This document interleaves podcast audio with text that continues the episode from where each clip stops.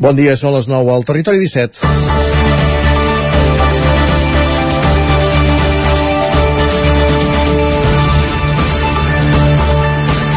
Avui és 27 d'octubre, dijous. Això vol dir que d'aquí a poc menys d'un mes commemorarem el 25 de novembre, el Dia Mundial contra la Violència envers les dones.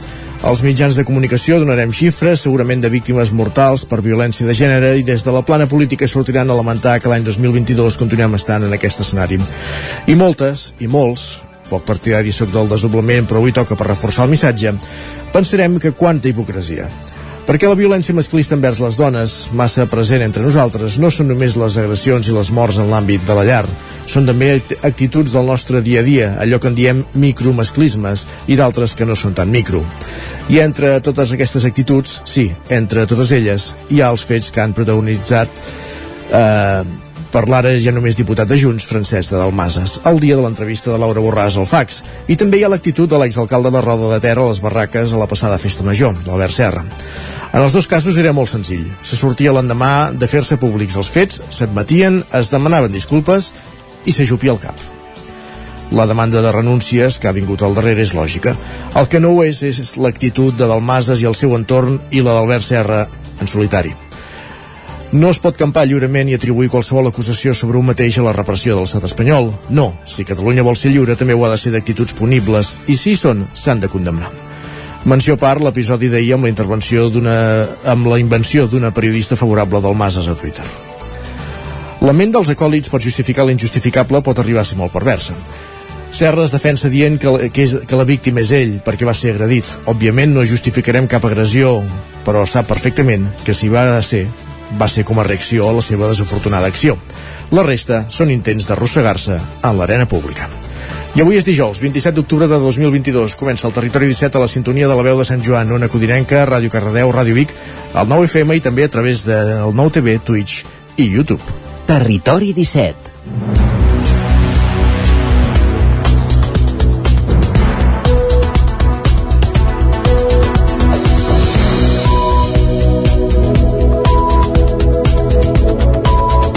Passen dos minuts i mig de les 9 del matí d'aquest dijous 27 d'octubre comença un nou Territori 17 a, la, a les vostres sintonies. Com cada dia des d'ara fins a les 11 acompanyant-vos a Ràdio Cardedeu a la veu de Sant Joan, a una Codinenca al 9 FM, a Ràdio Vic i també al 9 TV, a Twitch i, i YouTube des d'ara fins a dos quarts de deu, l'actualitat de les nostres comarques, les notícies més destacades en connexió amb les diferents emissores del territori 17. Repassarem el temps amb en Pep Acosta des d'una Codinenca i repassarem també les portades dels diaris del dia quan anem al quiosc just abans de dos quarts de deu. A aquesta hora passarem per, pujarem al tren, passarem per l'R3 recollint les cròniques dels seus oferts usuaris de la mà de l'Isaac Muntades des de la veu de Sant Joan i a l'entrevista anirem fins a Cardedeu amb en Pol Grau per parlar del Cardo Terror amb David Jordan. De seguida seguida us expliquem què és aquest festival i com serà l'edició d'aquest any. Passarem per la plaça, i tot seguit eh, acabarem la, aquesta primera hora amb música la plaça ja ho sabeu, l'espai de nova economia que ens acosten cada setmana 11.cat i la Maria López des de Ràdio Televisió Cardedeu. A les 10 ens posarem al dia amb les notícies més destacades de casa nostra repassarem la previsió del temps amb en Pep Acosta i a la Foc Lent tornarem a Cardedeu con concretament al Tarambana per parlar de la festa de la ratafia i el concurs Curat, una mena de Masterchef però a la Cardedeuenca. Tot seguit, tot, tot plegat ens ho explicarà en Pol Grau a partir d'un quart d'onze. I acabarem el programa endinsant-nos a Twitter amb Guillem Sánchez, anant al cinema amb en Joan Garcia i en Gerard Fosses des de la veu de Sant Joan i amb algunes recomanacions de sèries. Ja sabeu que l'última mitja hora dels dijous la dediquem a la ficció. Aquest és el menú del dia, per tant, comencem a servir-lo.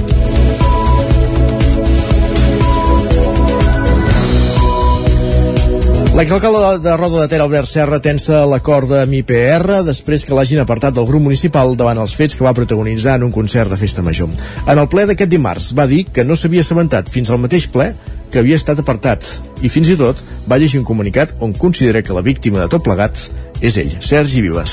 Dimarts va tenir lloc el ple d'octubre de l'Ajuntament de Roda del Ter, que tenia com a ordre del dia aprovar les ordenances fiscals, entre d'altres qüestions. Tot i això, el protagonista del ple va acabar sent Albert Serra, que dimarts va esdevenir com a regidor no adscrit després que IPR, que IPR l'apartés del partit i s'assabentés al propi ple. Membres dels Diables del Pont Vell durant el torn de preguntes van aprofitar per explicar que el comunicat que van enviar al 9-9 denunciant actituds masclistes i tractes ofensius envers algunes dones durant la nit del 24 de setembre no formava part d'una campanya de difamacions i calúmnies contra Serra. El fins ara regidor d'IPR no va voler fer declaracions al respecte i es va limitar a llegir un comunicat on assegurava que aquell dia va ser ell l'agredit, afirmant que durant els últims mesos ha estat víctima d'assetjament el dia de la carta, el dia 24 de setembre, vaig ser jo qui vaig ser agredit. I ho va veure molta gent, a la carta. I va venir a separar-me dels agressors. Jo vaig cometre errors. N'he comès molts. I demano disculpes pels que hagi pogut cometre. Serra assegurava que IPR va aprofitar aquesta polèmica per fer-lo fora del partit, sostenint que ja tenien preparat el seu substitut la confusió es va agreujar, es va agreujar molt. Quan vaig comprovar que dins del meu propi partit i dins del meu grup municipal la majoria de membres no es creien la relació dels fets on jo era assetjador en lloc de víctima.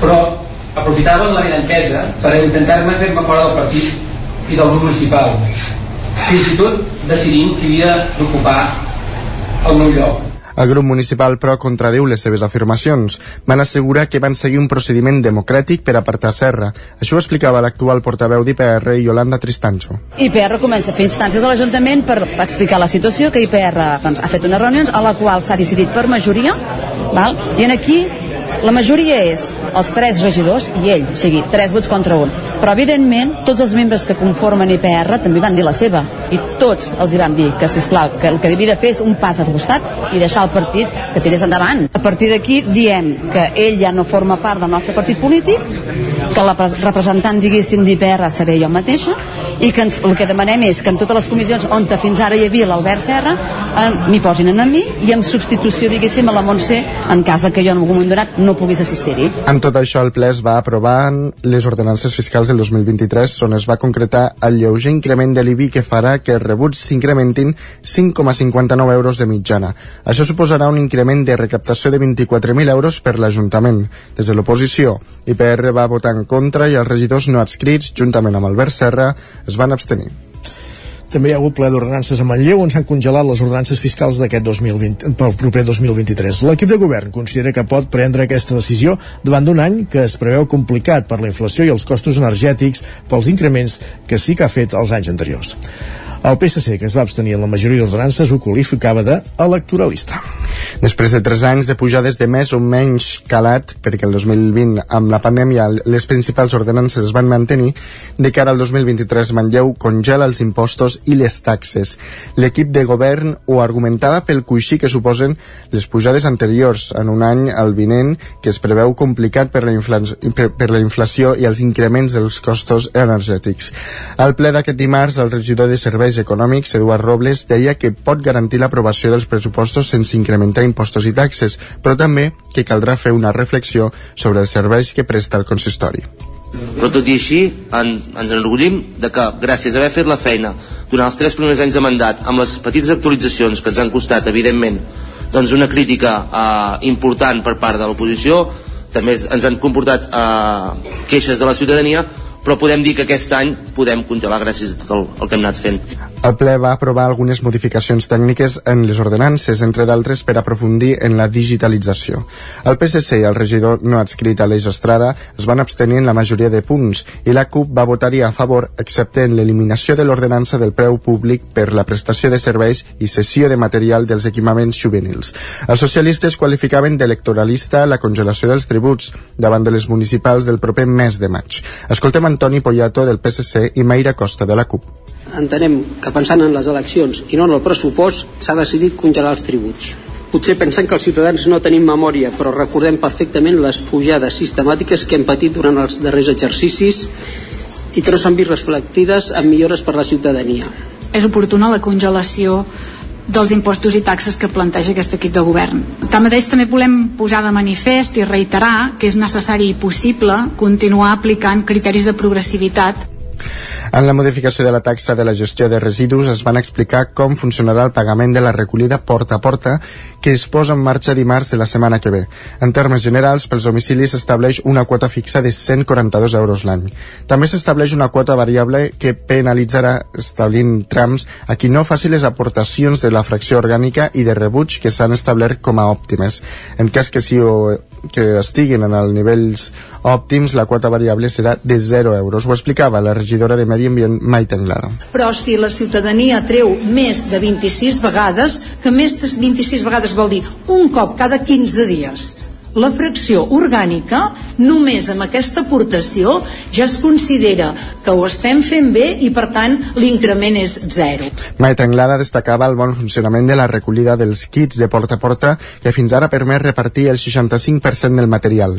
Des del PSC, Marta Moreta considerava, posant com a exemple l'experiència de Centelles, que els contenidors xipats serien un sistema més adient que el porta a porta per Manlleu. L'incendi ahir al migdia en un taller mecànic de la carretera de Sant Hipòlit a Vic, declarat poc després de la una, va obligar a desviar el trànsit del polígon del Sot dels Pradals. Els bombers van donar l'incendi per extingit poc després de les 8 del vespre, després de treballar-hi tota la tarda. Fins al cap de 4 hores no van aconseguir fer baixar la temperatura de la nau i poder-hi entrar per acabar d'extingir les flames. Els bombers van rebre l'alerta a un quart i cinc minuts de dos, quan els van avisar que sortia fum negre de l'interior de la nau. En arribar-hi, els bombers van constatar que el foc estava cremant pneumàtics i oli. En la primera intervenció van aplicar escuma des de l'interior per apagar l'incendi, però després de les dificultats de l'extinció van passar l'actuació des de l'exterior per refredar l'edifici i tornar a entrar posteriorment a dins. No hi va haver ferits. El SEM s'hi va, desplacar, va desplaçar amb una ambulància que, segons el mateix sistema d'emergències mèdiques, no va haver de fer cap intervenció. El fum es va veure des de molts punts de la ciutat. La Guàrdia Urbana també va estar present a la zona regulant el trànsit. Més qüestions. El govern espanyol subvenciona amb 700.000 euros la casa de cures de la finca de la Torre de Ripoll i el Museu de la Colònia Lleudet de Sant Joan de les Abadesses. Isaac Muntades, la veu de Sant Joan. El Ministeri de Transports, Mobilitat i Agenda Urbana ha aprovat la resolució provisional de la convocatòria d'ajudes per a la rehabilitació d'espais de titularitat pública en el marc del Pla de Recuperació, Transformació i Resiliència. A la comarca del Ripollès hi ha dos municipis que s'han beneficiat d'aquestes subvencions, Ripoll i Sant Joan de les Abadeses. La capital del Ripollès ha rebut un total de 420.000 euros per rehabilitar la casa de cures de la finca de la Torre, mentre que Sant Joan ha obtingut 280.000 euros per la rehabilitació del patrimoni industrial de la colònia Lleudet per fer-hi un museu. En el cas de Ripoll cal recordar que, aprofitant la Fira de les 40 hores d'enguany, els ripollesos van poder votar en un procés participatiu quin era el projecte que volien per rehabilitar la finca de la Torre. A l'interior, la casa de cures de la Torre, de tres plantes, tindrà un espai per avis a la planta baixa, un espai per joves a la primera i un hotel d'entitats a la segona. A la part davantera s'hi ubicarà un parc infantil i una pèrgola solar. Dels quatre projectes que es van presentar va guanyar el número 4 de l'arquitecte de Vituro de PAM Projectes. El regidor de Serveis Econòmics, Josep Maria Creixans, va explicar que aquest projecte quedaria cobert en gran part gràcies a la subvenció. En aquest cas era el projecte petit, hi havia dos projectes, com saben, un que era fins a 3 milions i aquest que era fins a 500.000 euros, per tant, eh, si ens donen 420, com vostè ha informat, n'haurien d'afegir 80 o res, si ens adaptem a l'import que ens donen perquè pot arribar fins a un 100% de finançament. El regidor i cap de l'àrea de serveis al territori, Joaquim Colomer, va apuntar que encara queda perquè aquest projecte sigui una realitat, tot i l'obtenció de l'ajuda, a més de destacar-ne la ubicació. Una rehabilitació d'aquest tipus, entre licitacions que fas un projecte definitiu tot plegat, això com a mínim jo crec que ha de passar pràcticament un any. Finals de 2023, fins a principis de 24 i tot. No hem d'oblidar és la, la zona més poblada de, de Ripoll. Eh, és on hi ha més massa crítica, per tant, sí, és, és important poder comptar amb edificis i per, poder comptar amb infraestructures doncs, per aquestes zones. Pel que fa al Museu de la Colònia Lleudet, s'ubicarà al soterrani d'una de les naus de la zona. L'alcalde Ramon Roquer comentava què hi haurà en aquest museu. I aquesta serà l'aposta, un museu molt virtual, un museu amb una aplicació de noves tecnologies important, però també crearem un espai per emprenedors, per creatius, per treballar tot el tema del Big Data i per tant també perquè Lleudet, més enllà de possibles implantacions d'empreses, doncs també hi puguem tenir una part més tecnològica, més avançada, que, que pugui ser la llavor de molts projectes que en un futur també es poden instal·lar en el sector industrial de Lleudet. No? En total es faran poc més de 400 actuacions a tot l'estat espanyol de les més de 1.000 que es van presentar. La inversió total és de 307 milions d'euros en ajudes europees a 381 entitats locals per rehabilitar edificis públics. Un minut i serà un quart de del matí. Anem cap al Vallès Oriental. Caldes de Montbui dona el tret de sortida a la construcció dels habitatges per a joves situats davant del Parc Romà Martí, col·locant els contenidors marítims. Caral Campàs, Ona Codinenca. Els operaris de la brigada municipal han començat a retirar els arbres i el mobiliari urbà que s'havia instal·lat a l'espai de forma provisional mentre no es feien les obres. La retirada d'aquests elements per deixar el terreny lliure és el pas previ a començar la construcció dels fonaments del nou edifici.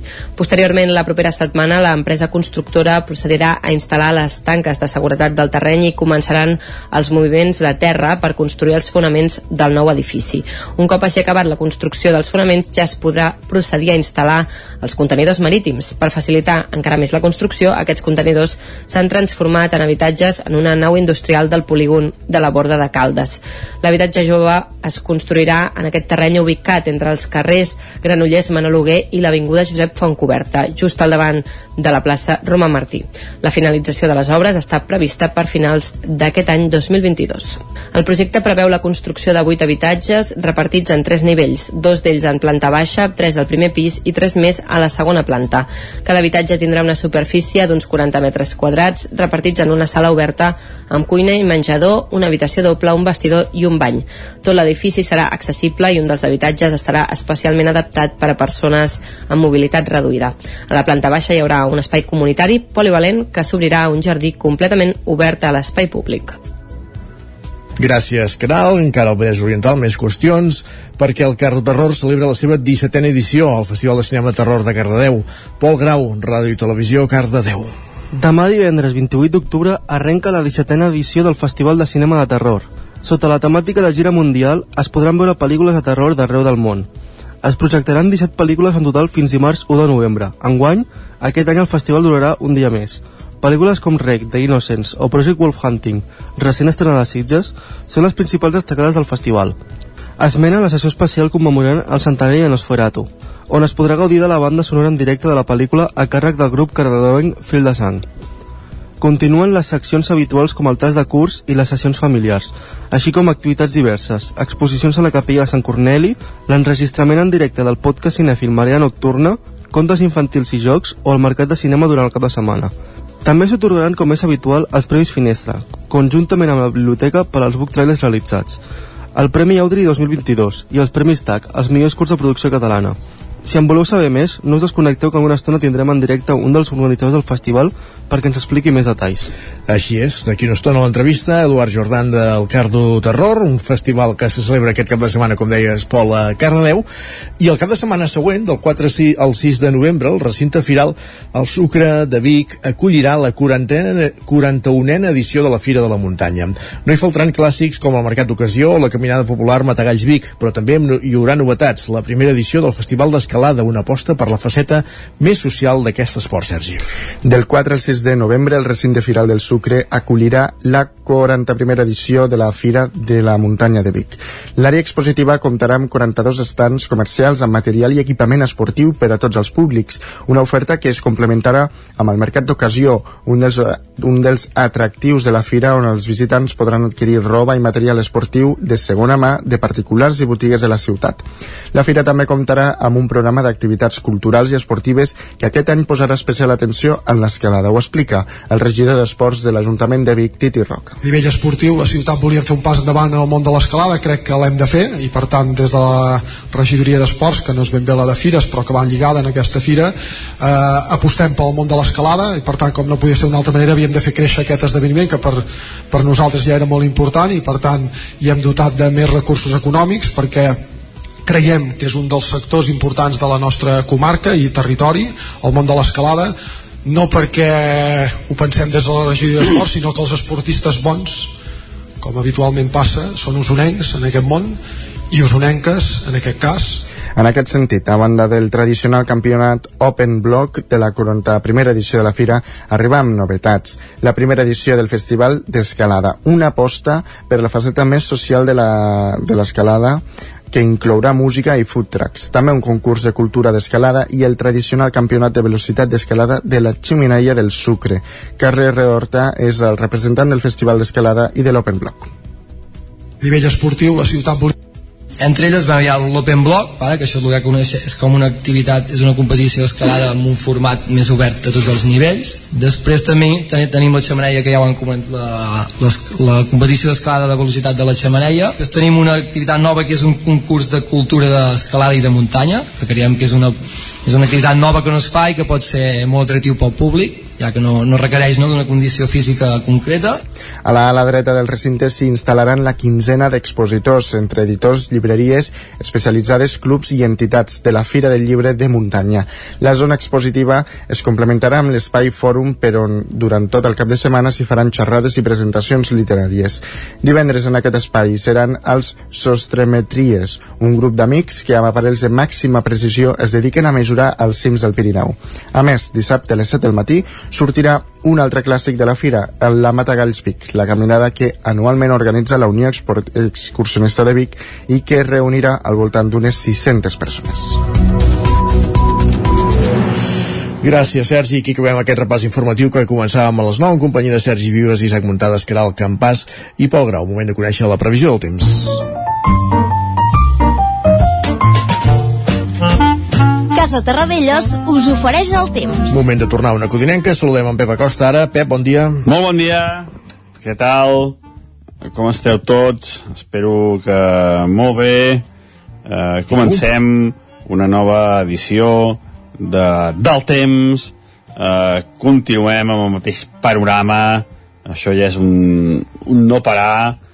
Aquests vents de, de sud, aquest mataràs no autèntic matalàs, sí, d'aire càlid que hi ha a sobre nostra a uns eh, 900.000 metres d'altura hi ha un autèntic eh, matalàs, matalàs d'aire càlid eh, molta pols en suspensió eh, un, un, un, un temps, un panorama eh, molt, molt preocupant. És que clar, és que, és que ja no sé és, és que ja no sé ni què dir perquè cada dia dic el mateix no no sé és un, és un temps molt, molt, uh, molt preocupant.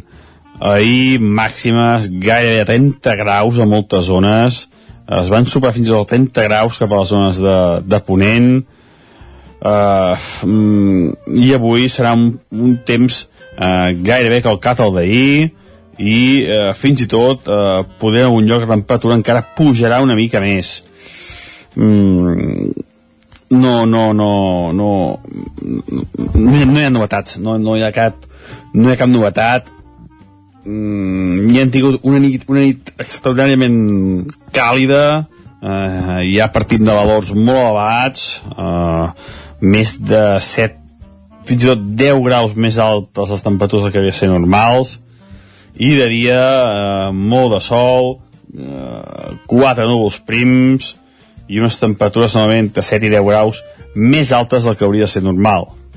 Extraordinari, extraordinari el que està passant. No només aquí a, a les comarques a Catalunya sinó que està, és un panorama a tota Europa, a tota Europa està prenent aquesta, aquest matalàs d'aire càlid. A tota Europa tenen unes temperatures entre 5 i 10 graus més altes del que hauria de ser eh, per aquestes eh, dates. I bueno, eh, aquest és el panorama, aquesta és la situació d'avui i també de, de cara als pròxims dies. No, no tindrem cap canvi destacat. Uh, potser baixarà una mica les temperatures, però bueno, mm, molt poc, eh? No, no, no, no notarem gairebé els nostres pells, els nostre, el, el, el nostre el nostre cos d'aquesta baixada de temperatures perquè serà molt poc important. I això és tot. Uh, uh, disfrutar el dia d'avui. Com deia, un dia molt més càlid del normal, un dia sense precipitacions i un dia de, de, de, de, tot, de tot extraordinari amb, amb una situació uh, molt, molt, uh, molt armant, molt armant, molt armant. Vinga, moltes gràcies. Adeu. Gràcies, Pep. Parlem d'aquí una estona. I ara el que fem tot seguit és anar ràpidament cap al quiosc. Casa Tarradellas us ha ofert aquest espai. Anem a saber què diuen els diaris del dia. Sergi, per on comencem? Doncs comencem pel punt avui, eh, que encapçala la portada amb un salt a la ferida. perquè Esquerra, els Comuns i la CUP porten el cas de Dalmases a la Comissió de l'Estatut dels Diputats. Creixen les veus que li demanen que entregui l'acte de diputat i també des dels sectors de, de Junts. I a més a més també destaquen la derrota de la Champions del Barça, que ha quedat eliminat. No, no, s'ha classificat per l'Europa League, ho teniu mal entès. Més qüestions. El periòdico destaca que la propaganda russa es volca en les negociacions i també destaquen una protesta silenciosa que els veïns d'Enric Granados de Barcelona pues, han denunciat el soroll que les terrasses causen en un carrer que viu permanentment en tensió. Molt bé. A La Vanguardia eh, destaquen que cada hora moren 5 persones esperant l'ajuda per la dependència i també destaquen que la tardor-estiu, així com ho anomenen, aquest temps eh, enfonsa la venda de roba d'hivern. Normal, sí, sí. Tardo-estiu, eh? D'acord. Tardo-estiu. Perfecte. Lara, eh, per la seva banda, eh, destaca que la Xina té almenys tres oficines parapolicials il·legals a Catalunya i també destaca el comiat multitudinari de Mash, Mash, Mash, Massa, no sé com pronunciar-ho, Amini. Um, això és a l'Iran i aquí veiem una fotografia de un, moltíssimes persones desfilant contra el règim. Molt bé. A Madrid, ràpidament, el país destaca que la reforma de la sedició uneix al Congrés eh, una clara majoria i, a més, doncs, també destaquen aquesta multitudinària desfilada contra el règim iranià. L'ABC diu que Sánchez posa data a la reforma de la sedició el més aviat possible, però després dels pressupostos. I també destaquen aquest desafiament dels iranians contra el règim. De fet, l'ABC ho, ho descriu com una peregrinació imparable a la tomba del màrtir del Bel, amb aquesta fotografia que ocupa tota la portada on veiem doncs, tota aquesta multitud. El periòdico destaca que el PP tem la reacció de la dreta mm, política, judicial i mediàtica i també destaquen una bronca a Brussel·les pels fons. La presidenta de la Comissió Pressupostària de l'Eurocambra no sap com es gasta els diners a Espanya. Um, I per altra banda, el Mundo ha fet una entrevista a l'Iniesta. Que, Ah, què diu? que la seva, de fet, ocupa tota la, la gran, gran part la cara a la portada. Doncs diu que quan va començar a trotar li queien les llàgrimes i va ser com tornar a la vida. Carai. I...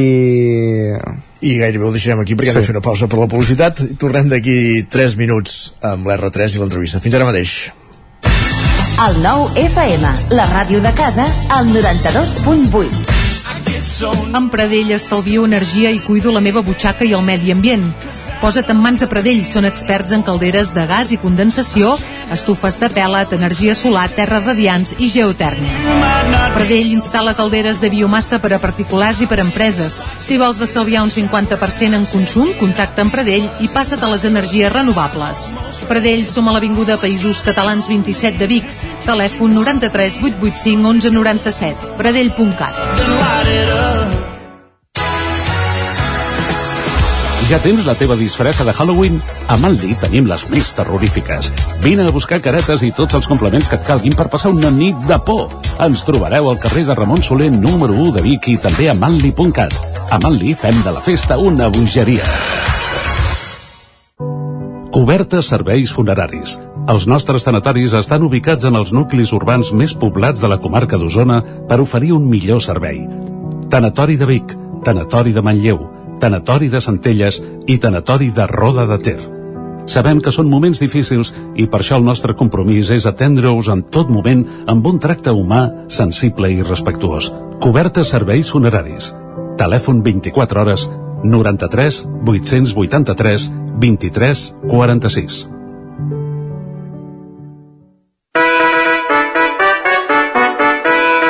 Diumenge 6 de novembre torna la Fira d'en Roca Guinarda a Olost. Aquest any arriba el rei. Arriba! Olost es transformarà al segle XVII, amb bandolers, barjaules, pillets i molt, molt, molt d'humor. Entra dins la llegenda. A carn! A carn! Bon dia, són les 9 al Territori 17. La Miquel Parella, Cada, cada matí i durant dues hores t'acompanyem i et posem al dia de l'actualitat de casa nostra. Potenciant així l'autonomia En aquest cas me la peça el si no... Cursos per feminitzar el pensament masculí. Territori 17, el magazín matinal d'Osona, el Moianès, el Ripollès i el Vallès Oriental. Que la meva àvia de 93 el anys... 9 FM, el 9 TV, el 99.cat i també els nostres canals de Twitch i I YouTube. demà per fer-se un tatuatge. Cada matí, Territori 17. Ole. Cocodril Club. Si t'agrada la bona música dels anys 60, 70 i 80, escolta el 9 FM els matins de dissabtes i diumenges d'11 a 1. És el temps del Cocodril Club, tot un clàssic de la ràdio, amb les bases del pop-rock, les llegendes, les cançons que s'han convertit en autèntics himnes. Recorda, dissabtes i diumenges al matí, d'11 a 1, al 9 FM 92.8. Cocodril Club. El programa revival de l'Albert Malla. Hasta luego, cocodrilo. El 9 FM, el 9 FM, el 9 FM, el 9 FM, el 9 FM.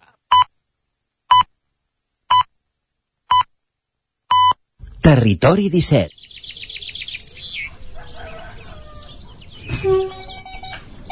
A Tren d'Alba. Cada dia els usuaris i usuàries de la línia R3 de Rodalies que veuen sortir el sol des d'un vagó ens expliquen les gràcies i les penes del primer comboi que uneix Ripoll i Barcelona o les feixugues jornades amb el tren després de treballar. Benvinguts a Tren d'Alba. Bones notícies d'ahir, ja que es va adjudicar l'estudi d'alternatives per la nova connexió entre Castelldefels i Barcelona per 1,3 milions d'euros, una actuació que permetrà una nova entrada ferroviària de la línia de la costa de Rodalies 2. També és veritat que aquest boom d'obres després suposa que hi hagi més talls de circulació i problemes. Esperem que un cop estigui tot acabat no hi hagi tants problemes com fins ara. Escoltem la crònica de la nostra companya Glòria Francolí. Hola, molt bon dia. Aquí la Glòria des de la R3. Avui el tren que ha sortit a les 6 de la tarda de l'estació de Sants ha arribat a l'estació de Vic amb 3 o 4 minuts de retard. Ha sigut un viatge plàcid, hi havia molta gent però més o menys tothom ha pogut seure i jo l'he passat um, llegint. Estic llegint aquests dies un llibre que, que em té molt entretinguda i la veritat és que avui he rigut molt. Què us volia dir? Doncs mira, avui sí que he fet una reflexió mentre llegia perquè el que he detectat les vegades que vaig en tren és que últimament la gent no fa servir els auriculars. I això què vol dir? Doncs que si miren qualsevol cosa al seu telèfon mòbil, sents el que miren. Si juguen un joc, sents els sorolls del joc. Si mm, escolten un missatge que, que els hi han enviat, doncs sents el missatge de la persona que, que els hi ha enviat el missatge. I això jo crec que és una cosa que ha anat empitjorant amb el temps, perquè abans, si tu, no, si tu volies escoltar música eh, al tren, a no ser que duguessis eh, els auriculars, no l'escoltaves. I estic detectant que això ha canviat i que el respecte per la comoditat de, de les altres persones que viatgen en moltes vegades no es té en consideració i de manera que escoltes de tot i més. Avui he sentit, eh, per exemple, això que us deia, algun missatge, he sentit um, una persona que es mirava una xarxa social, no sé quina deveria ser, però se sentia molta música molt diferent, entretallada, i ho trobo curiosíssim perquè tan gos que és no posar-se els auriculars i tenir la teva música per tu i saber que no fas nos a ningú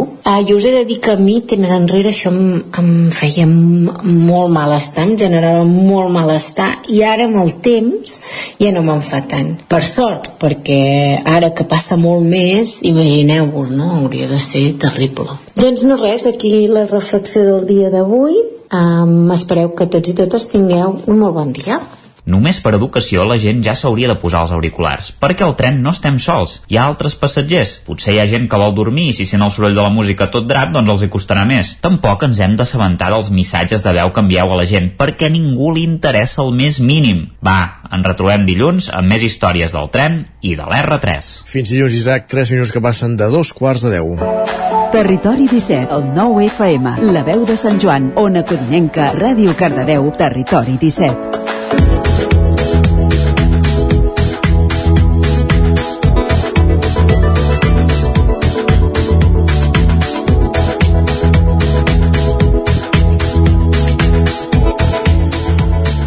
Arriba la castanyada i com cada any Cardedeu es vesteix de terror i obre les portes de l'esbarjo perquè la gent pugui disfrutar del cinema de terror que més li agrada. Pel·lícules com Rec, Nos, Nosferatu o The Innocent són algunes de les que es podran veure a la 17a edició del Cardo Terror, el Festival de Cinema de Terror de Cardedeu que comença aquest cap de setmana. Pol Grau, Ràdio Televisió Cardedeu, benvingut, bon dia. Bon dia, una altra vegada dijous. Eh, bé, uh, avui parlem amb el David Jordan, director de programació del Cardó Terror, el Festival de Terror d'aquí de Cardedeu. Bon dia, David. Hola, bon dia. Com estem? Nerviosos ja perquè comenci? Pues sí, una mica nerviosos, però... però... amb ganes. Bé, no, eh, per començar, com cada any el festival eh, té una temàtica en concret, l'any passat va ser Sèrie B, l'altre Terror a l'Espai, aquest any l'edició es diu Gira Mundial, eh, com se us va ocórrer i per què vau decidir fer Gira Mundial? Bueno, eh, doncs és l'excusa perfecta per, per posar pel·lícules de, de tot el món que creiem que valen molt la pena, perquè de vegades sembla que, que només existeixen als Estats Units. Hi ha tot un munt de, de pel·lícules eh, a, a, a tot el món que valen molt la pena i que jo tenia moltes ganes de, i el tenia moltes ganes de, de posar. Uh -huh. A part de les pel·lícules projectades, quines altres activitats es podran... De quines activitats es podrà gaudir durant aquests dies de, de festival? Bueno, tot tipus. Avui ja comencem amb una, amb una presentació de còmics, el passi d'un documental a la Biblioteca de Cardedeu. Uh, després tenim mercat del cinema amb, amb parades de marxandatge i d'artesans locals també. Uh, llavors tenim també doncs, uh, una sessió de curs infantils, eh, tenim trofeus TAC, eh, tenim, tenim també maquillatge per nens el, el dia de la castanyada, que celebrava una mica el Halloween castanyada, i bueno, també tenim doncs, per exemple el divendres una sessió musicada amb música feta expressament eh, per a la pel·lícula Nosferatu per celebrar el seu centenari uh. -huh. eh, cada any com has dit doneu el trofeu Audrey no sé si ens pots avançar que heu, vist per xarxes qui vindrà i quan podran veure-ho. Sí, eh, aquest any donem el, el trofeu Audrey, com sabeu, doncs cada any li donem a un professional relacionat d'alguna manera amb el món del cinema o, o amb el món del terror i aquest any hem optat per un, per un director de fotografia, és, és Pablo Rosso, és director de fotografia de gènere, va començar a treballar amb el, amb el Paco Plaza i, és el director de fotografia habitual de Jaume Balagueró o Àlex de la Iglesia.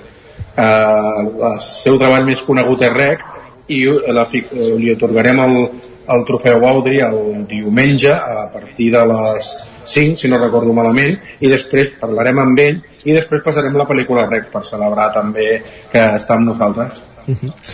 Una de les sessions que més atrau eh, espectadors són les estrenes que, que projecteu de Sitges. Eh, de quines pel·lícules estem parlant aquest any? Què podrem veure? Sí, eh, sí, es faran el, el dissabte i el diumenge a les 10. El dissabte tenim The Light, que és una pel·lícula del Neil Marshall, que és el director de Descent o Dog Soldiers, i d'algun dels millors capítols de Joc de Trons. És una pel·lícula, és una pel·lícula gore, d'acció i gore, que va caure molt bé a Sitges i després el diumenge tenim una pel·lícula de, de Corea del Sud, la de Project Wall Hunting. Jo la vaig poder veure a Sitges i és potser la pel·lícula més extrema, gore i burra que, que he vist durant el festival. Jo crec que, que el públic s'ho passarà molt bé si li agrada aquest tipus d'acció eh, amb molta sang i passada de volta eh, també repetiu amb els Premis Finestra, com es fa juntament amb la biblioteca, amb el, per donar els premis als Book Trailer, i els Premis TAC, quan els feu? Quan els podrem veure? Sí, els Premis Finestra els fem divendres a partir de les 6. Això és una iniciativa de la Biblioteca de Cardedeu i que també doncs, doncs, eh, fa que els joves doncs, puguin participar doncs, al, al festival és una, una cosa integradora que tenim com a acte cultural, que no és només un festival de cinema de terror, sinó que volem sempre doncs, que sigui un acte a destacar dins del, del teixit cultural de, del poble de Cardedeu. Llavors, eh, referent als Premis TAC, doncs, doncs sí, es tornen a otorgar a Cardedeu, el passi de curs tindrà lloc el dissabte el dissabte a les 6 de la tarda, es passaran els cinc finalistes i llavors s'otorgaran els, els tres premis TAC. Uh, hem parlat de moltes projeccions, de moltes sessions uh, no sé si ens n'hem deixat algunes de, de les projeccions que es faran i alguna pel·lícula que creguis que, que, no, que el públic que vingui al Carro Terror no pot deixar passar per alt. Jo destacaria dues sessions. La, una és la d'inauguració, que és la d'Encontré al Diablo, això de Devil, que és una pel·lícula de Corea del Sud, que per mi és l'obra mestra de les pel·lícules de temàtiques de venjances i psicòpates eh, coreana, per mi és una absoluta meravella. I després La Cluenda, que és una pel·lícula que es diu The Innocents, que per mi és la millor pel·lícula de gènere del 2021, és una pel·lícula noruega que retrata d'una manera eh, una mica sinistra i especial al món de la infància. I es va estrenar el 30 de setembre però es va estrenar molts pocs cinemes. I aquí doncs tenim l'oportunitat de, de poder-la veure a Carro Terror eh, ja que és cinema de terror des pels grans eh, també hi ha sessions per als més petits que puguin veure que els agradin el terror al, als petits de la casa Quan, quines feu de sessions especials pels nens?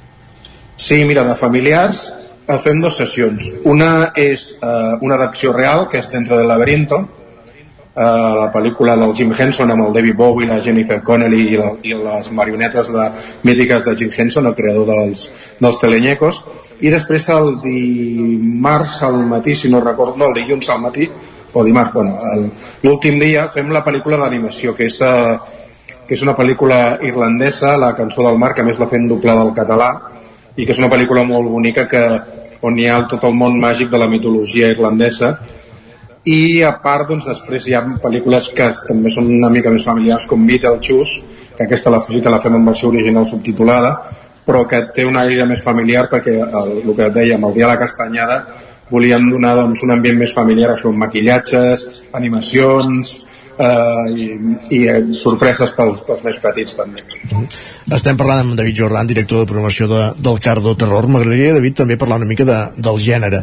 Eh, a Catalunya, evidentment, hi ha un, una punta de llança, que és el Festival de, de Sitges, amb aquest, eh, amb aquest gènere cinematogràfic, eh, però m'agradaria que em valoressis una mica com veus la salut del cinema de terror ara mateix, tant pel que fa a produccions com, com a espectadors, no? Diguéssim, no sé, quina tendència heu anat notant al llarg de totes aquestes edicions que heu fet a Cardedeu del Cardo Terror terror?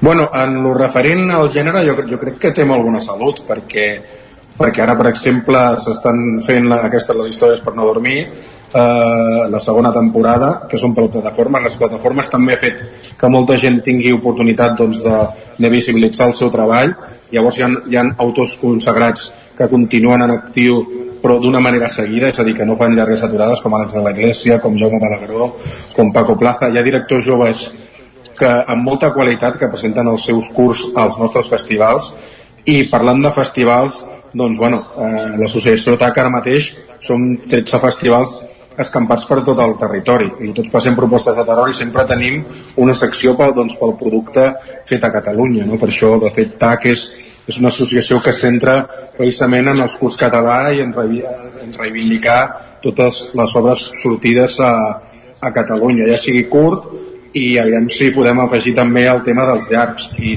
i crec que hi ha molta, està sortint molta gent i jo crec que hi ha molt talent. Uh -huh.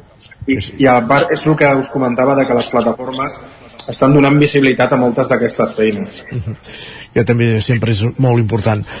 Els, pels amants del cinema de terror doncs, que tenen una cita eh, aquest cap de setmana a Cardedeu una nova edició del Cardo Terror. David, gràcies per ser avui amb nosaltres per explicar-nos-ho i que us vagi molt bé. Moltes gràcies Bon dia. Bon dia. Gràcies, Pol, també per acompanyar-nos un dia més aquí a l'entrevista al Territori 17. De fet, no marxis gaire lluny, perquè avui anirem saludant a la Foc Lent eh, i tants altres sí. a les notícies. Anem parlant. Fins ara. De... Fins ara. Avancem en aquest territori 17 i del cinema de terror, del carro terror, anem cap a la plaça, l'espai d'economia digital que ens acompanya cada setmana des de precisament també Ràdio Televisió Cardedeu i 11.cat. Territori 17. Envia'ns les teves notes de veu per WhatsApp al 646 079 023. 646 079 023. WhatsApp Territori 17.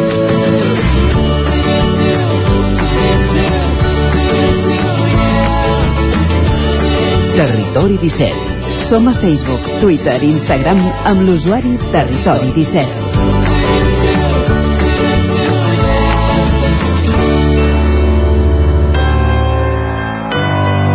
Territori, Territori 17. 17.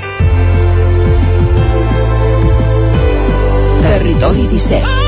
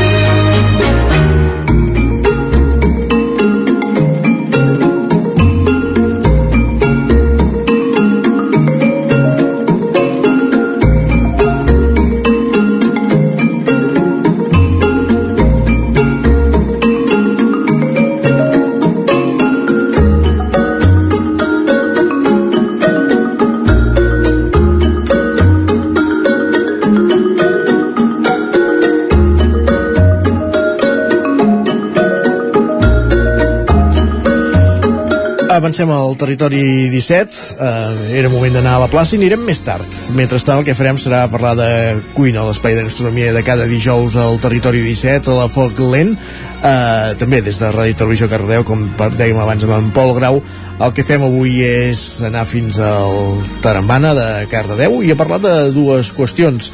Uh, una de la festa de la ratafia i de la festa i de l'altra d'aquest concurs de cuina del Curat. Pol, bon dia. Benvinguts a un nou foc lent des de Caradeu. Avui ens hem desplaçat fins al Tarambana per parlar de la festa que organitzen de la ratafia i el concurs similar a Masterchef anomenat Curat. Parlem amb l'Andreu Vilà. Bé, jo sóc l'Andreu, treballo al Taramana des dels seus inicis, no? fa 14 o 15 anys, i res, ens dediquem a la gastronomia i a la cultura.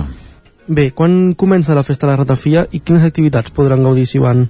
La ratafia començarà el dijous 17, que hi haurà un concert eh, d'un noi anglès que ve està de gira per aquí i ens han demanat que si podíem fer un concert i vam dir, doncs, aprofitem que hi ha la festa de ratafia doncs, per incloure dins la programació. El divendres hi haurà una presentació de la carta que tenim de ratafies o que, tenim, o que tindrem de ratafies o de licors de sobretaula Ja que és una festa en honor a la ratafia, quan comenceu a interessar-vos per ella o la descobriu? La ratafia nosaltres la comencem a conèixer quan som més jovenets, fa uns 20-25 anys eh, tenim la sort de conèixer la iaia Maria, que és la iaia de, de tots ja, és la nostra iaia, o ha sigut la nostra iaia, ara ja no hi és, pobreta, uh, però, però a través de la Míriam i en Guillem, doncs uh, res, uh, ens, ens van apropar la seva iaia i, i vam anar a casa seva, uh, on tenia tot de plantes uh, al seu jardí i allà doncs agafava manís i nous verdes i uh, allà ens va ensenyar a fer la ratafia i estimar-la que, que, que ens la va fer estimar tant doncs que això, d'això n'ha sortit doncs un, una festa uh, i un concurs de ratafies casolanes i un concurs de plats cuinats amb ratafia.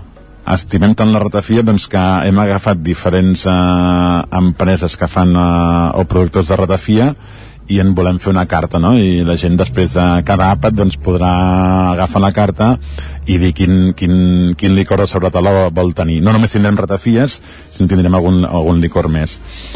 I això serà la presentació, fem un sopar maridat amb, amb vins, i ve un celler de Vega Xalà, eh, que fa Prades, i això ho maridarem amb, amb menjar. El dissabte doncs, hi, haurà el, hi haurà en Joan Pujades, de Mas de la Caçadora, que és un home que ha vingut a enguany amb, sempre, ha vingut sempre amb un alambí eh, i destila aiguardent, no? De, del vi en fa aiguardent que és la base de la ratafia. Llavors hi haurà el curat eh, al matí, eh, al migdia amb entrega de premis, farem un, un vermut, eh, farem un dinar, farem el concurs de, de ratafies casolanes, donarem els premis i el diumenge hi haurà un espectacle familiar a les 11 del matí i a la tarda, a les 6 de la tarda, hi haurà l'actuació del Cri Joanico. Quina recepta feu servir per fer la ratafia? Doncs nosaltres encara seguim una mica eh, la recepta de la Maria, el que hem canviat eh, o el que hem provat de fer és eh, canviar l'anís per aiguardent. No? L'anís trobàvem que era molt dolç i ens agrada una cosa doncs, potser no tan dolça, però no queda igual. Vull dir que si vols eh, tiro segon la ratafia, com a mínim el, el gust que, que tenim, no? El gust, les primeres ratafies que vam provar eren de la iaia Maria, per tant eh, és el gust que tenim, no? el que ens ha quedat a dins del cervell. I per tant tot el que marxi d'allà i és diferent per nosaltres, però hem volgut això, canviar-lo una mica eh, i fer-la mai guardent, però qui vulgui tastar eh, tal qual com la feia la iaia Maria, doncs eh, al museu creu que, crec que encara fa tallers i crec que encara en venen eh, amb, la, amb la recepta de la ratafia de la iaia Maria. Per tant qui vulgui eh, pot anar al museu eh, de Cardedeu i, i, i provar-la què és el concurs curat que organitzeu aquí al Tarambana? El Curat és el concurs de plats cuinats amb ratafia, eh, que s'emmarca dins la festa de la ratafia i, i sempre normalment és el tercer cap de setmana de novembre i res, eh, traiem totes les taules i les cadires del Tarambana, muntem eh, de 10 a 12 cuines i la gent doncs, es posa darrere els fogons i ve amb una recepta i fa en directe un plat on l'element principal o un dels elements destacats és la ratafia algun plat boig que hagin fet durant el concurs que recordis? Hòstia, jo tinc molt poca memòria, eh, però però recordo un gelat eh, de ratafia de, amb uns bunyols eh, la truita de patates doncs, que potser és uh, dels plats més rars que, que hi ha hagut però que alhora, hosti, sorprenentment bons no? uns calamars uh, farcits amb ratafia, hi havia uns musclos també Uh, no sé, la meva memòria és, és, uh, és curta, uh, però, però si mirés l'historial segur que hi seríem, però, però és guai, és guai veure que gent amateur uh, o gent amant de la gastronomia doncs uh, es posa i, com que, i que, que aquí ho fem en família que no, no és cap concurs d'aquests televisius ni que, ni que hi ha una pressió a sobre uh, ni res, sí que hi ha un jurat que valora la teva feina però que que és molt d'estar per casa i volem que sigui així, no? Que, que tothom eh, que, que, que vulgui pugui venir i, i pugui fer el que vulgui, vull dir que sense cap mena de, de, de, de pressió. Si no vols participar al concurs però vas de públic i vols provar els plats que facin, pots tastar-los després? Sí, una de les fases del concurs diu que has de presentar doncs, eh, d'entre dos i tres racions pel jurat perquè el jurat pugui provar, perquè normalment són entre 3 i 4 persones, i llavors n'has de fer 8 o 10 més perquè la gent pugui provar, no? I quan s'acaba el concurs, eh, la gent pot anar pels llocs on hi ha les taules i els fogons i, i provar el que ha fet eh, és dir, tu, si ets concursant, pots provar el que ha fet eh, els teus competidors, entre cometes, eh, i si ets públic, doncs també pots eh, passar per les taules i et deixaran provar el que, el que han fet els ingredients per al concurs han de ser de quilòmetre zero o els proporcioneu vosaltres o els han de portar els concursants de casa seva? Els ingredients dels plats eh, del curat eh, la gent es, escull com els vol fer, no? Eh, no diu, la base no diu que han de ser plats de, amb ingredients quilòmetre zero és a dir, nosaltres agrairíem que ho fóssim nosaltres en el restaurant, en aquí, eh, sí que treballem d'aquesta manera i ens agradaria que la gent ho fes, però, però no, no obliguem a ningú a que, a que treballi d'aquesta manera, no? I la gent és lliure de fer el que vulgui a casa seva i, i el que exigim sí que és que, que, que el plat principal o que un dels gustos que es notin o que es destaquin sigui, sigui la ratafia. Si no poguéssim estar presents durant la jornada, es transmet en directe per Telecardedeu, no? Ah, sí, sí, hòstia, des de fa un parell d'anys doncs a Telecardedeu eh, ve a gravar, que això és un luxe, i que l'any passat eh, la Maria i la seva germana van participar i, i va ser molt, molt divertit. Per qui ens estigui escoltant i es vulgui apuntar, com ho ha de fer o on es pot apuntar? Sí, sí, tant a taramana.cat a la web, com a l'Instagram del Taramana, com al Facebook, eh, eh, no sé quantes coses més, però perquè jo de les xarxes no, no en domino, però, però sí que, que, que surten. Doncs uh, res, en breu uh, sortiran les bases del concurs, dels dos concursos, tant si fas uh, ratafia casolana a casa o tant si t'atreveixes a... Bueno, t'atreveixes no, és tan senzill com, com venir i cuinar un plat, uh, sigui senzill o no, eh? Uh, només has de mirar les bases i apuntar-te a tarambana, arroba tarambana.cat i, i dir que vols participar. Vull dir que animo des d'aquí a que la gent participi al Curat, que és el de plats cuinats amb ratafia, perquè perquè l'any passat eh, va guanyar una truita de patates amb ratafia, vull dir que, que una truita de patates no, no, és, no és fàcil fer una truita de patates però tampoc, eh, vull dir que tampoc és difícil, Mm, qui més qui menys ho ha intentat, no? I, i, i això I fins aquí un nou foc lent des de Caradeu. Gràcies, Andreu, per venir al Territori 17 i explicar-nos una mica el, la festa de ratafia que fareu en breus en novembre. Pues res, gràcies a vosaltres i animar a tothom eh, que, que vingui, que passi durant aquests 3 o 4 dies de, de festa i animar sobretot a que s'apuntin als concursos que, que és a, el, el plat fort d'aquesta festa, no? on, on, on es fa comunitat i es fa pedagogia d'aquest licor. Gràcies.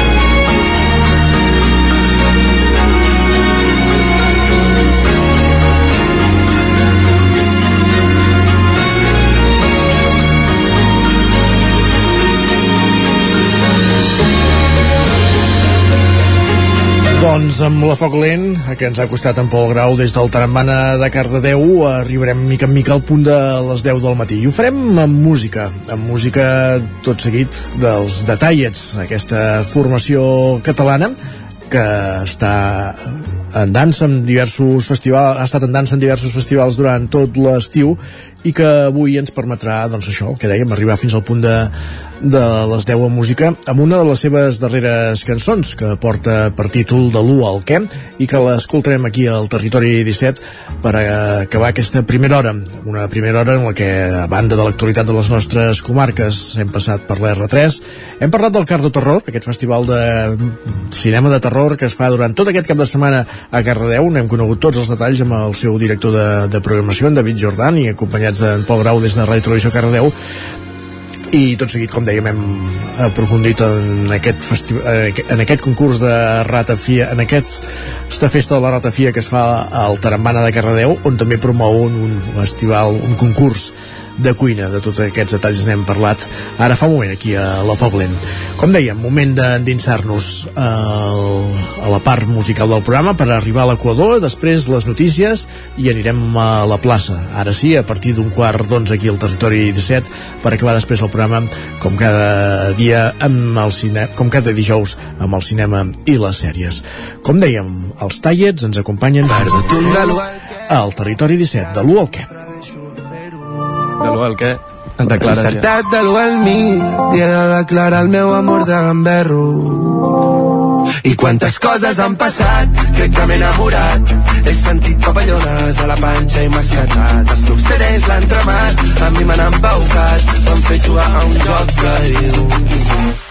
De l'u al que surts amb mi aquesta nit De l'u al que vas amb ressaca el partit De l'u al que, de l'u al que, de l'u al que de l'1 al que surts amb mi aquesta nit de l'1 al que vas amb ressaca el partit de l'1 al que de l'1 al que de l'1 al que de l'1 al que de l'1 al que l'Elias apostant allà pel terra d'aquest tren de Rodalies i qui ho diria que ens ho acabem muntant bé amb la tonteria. Quantes coses han passat, crec que m'he enamorat. He sentit papallones a la panxa i mascatat. Els tetes l'han tramat i a mi m'han embaucat. M'han fet jugar a un joc de viu.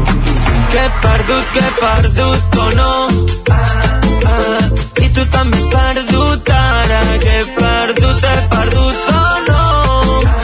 Mai més tornaré a jugar al de l'1 al que surts amb mi aquesta nit de l'1 al que un John Deere amb Charlie P de l'1 al que de l'1 al que de l'1 al que Aquesta tarda vull trobar-te en una terrassa jugant a cartes. Que se'ns pongui el sol i tinguem una manta. Que tu portis tanquera i jo la fanta.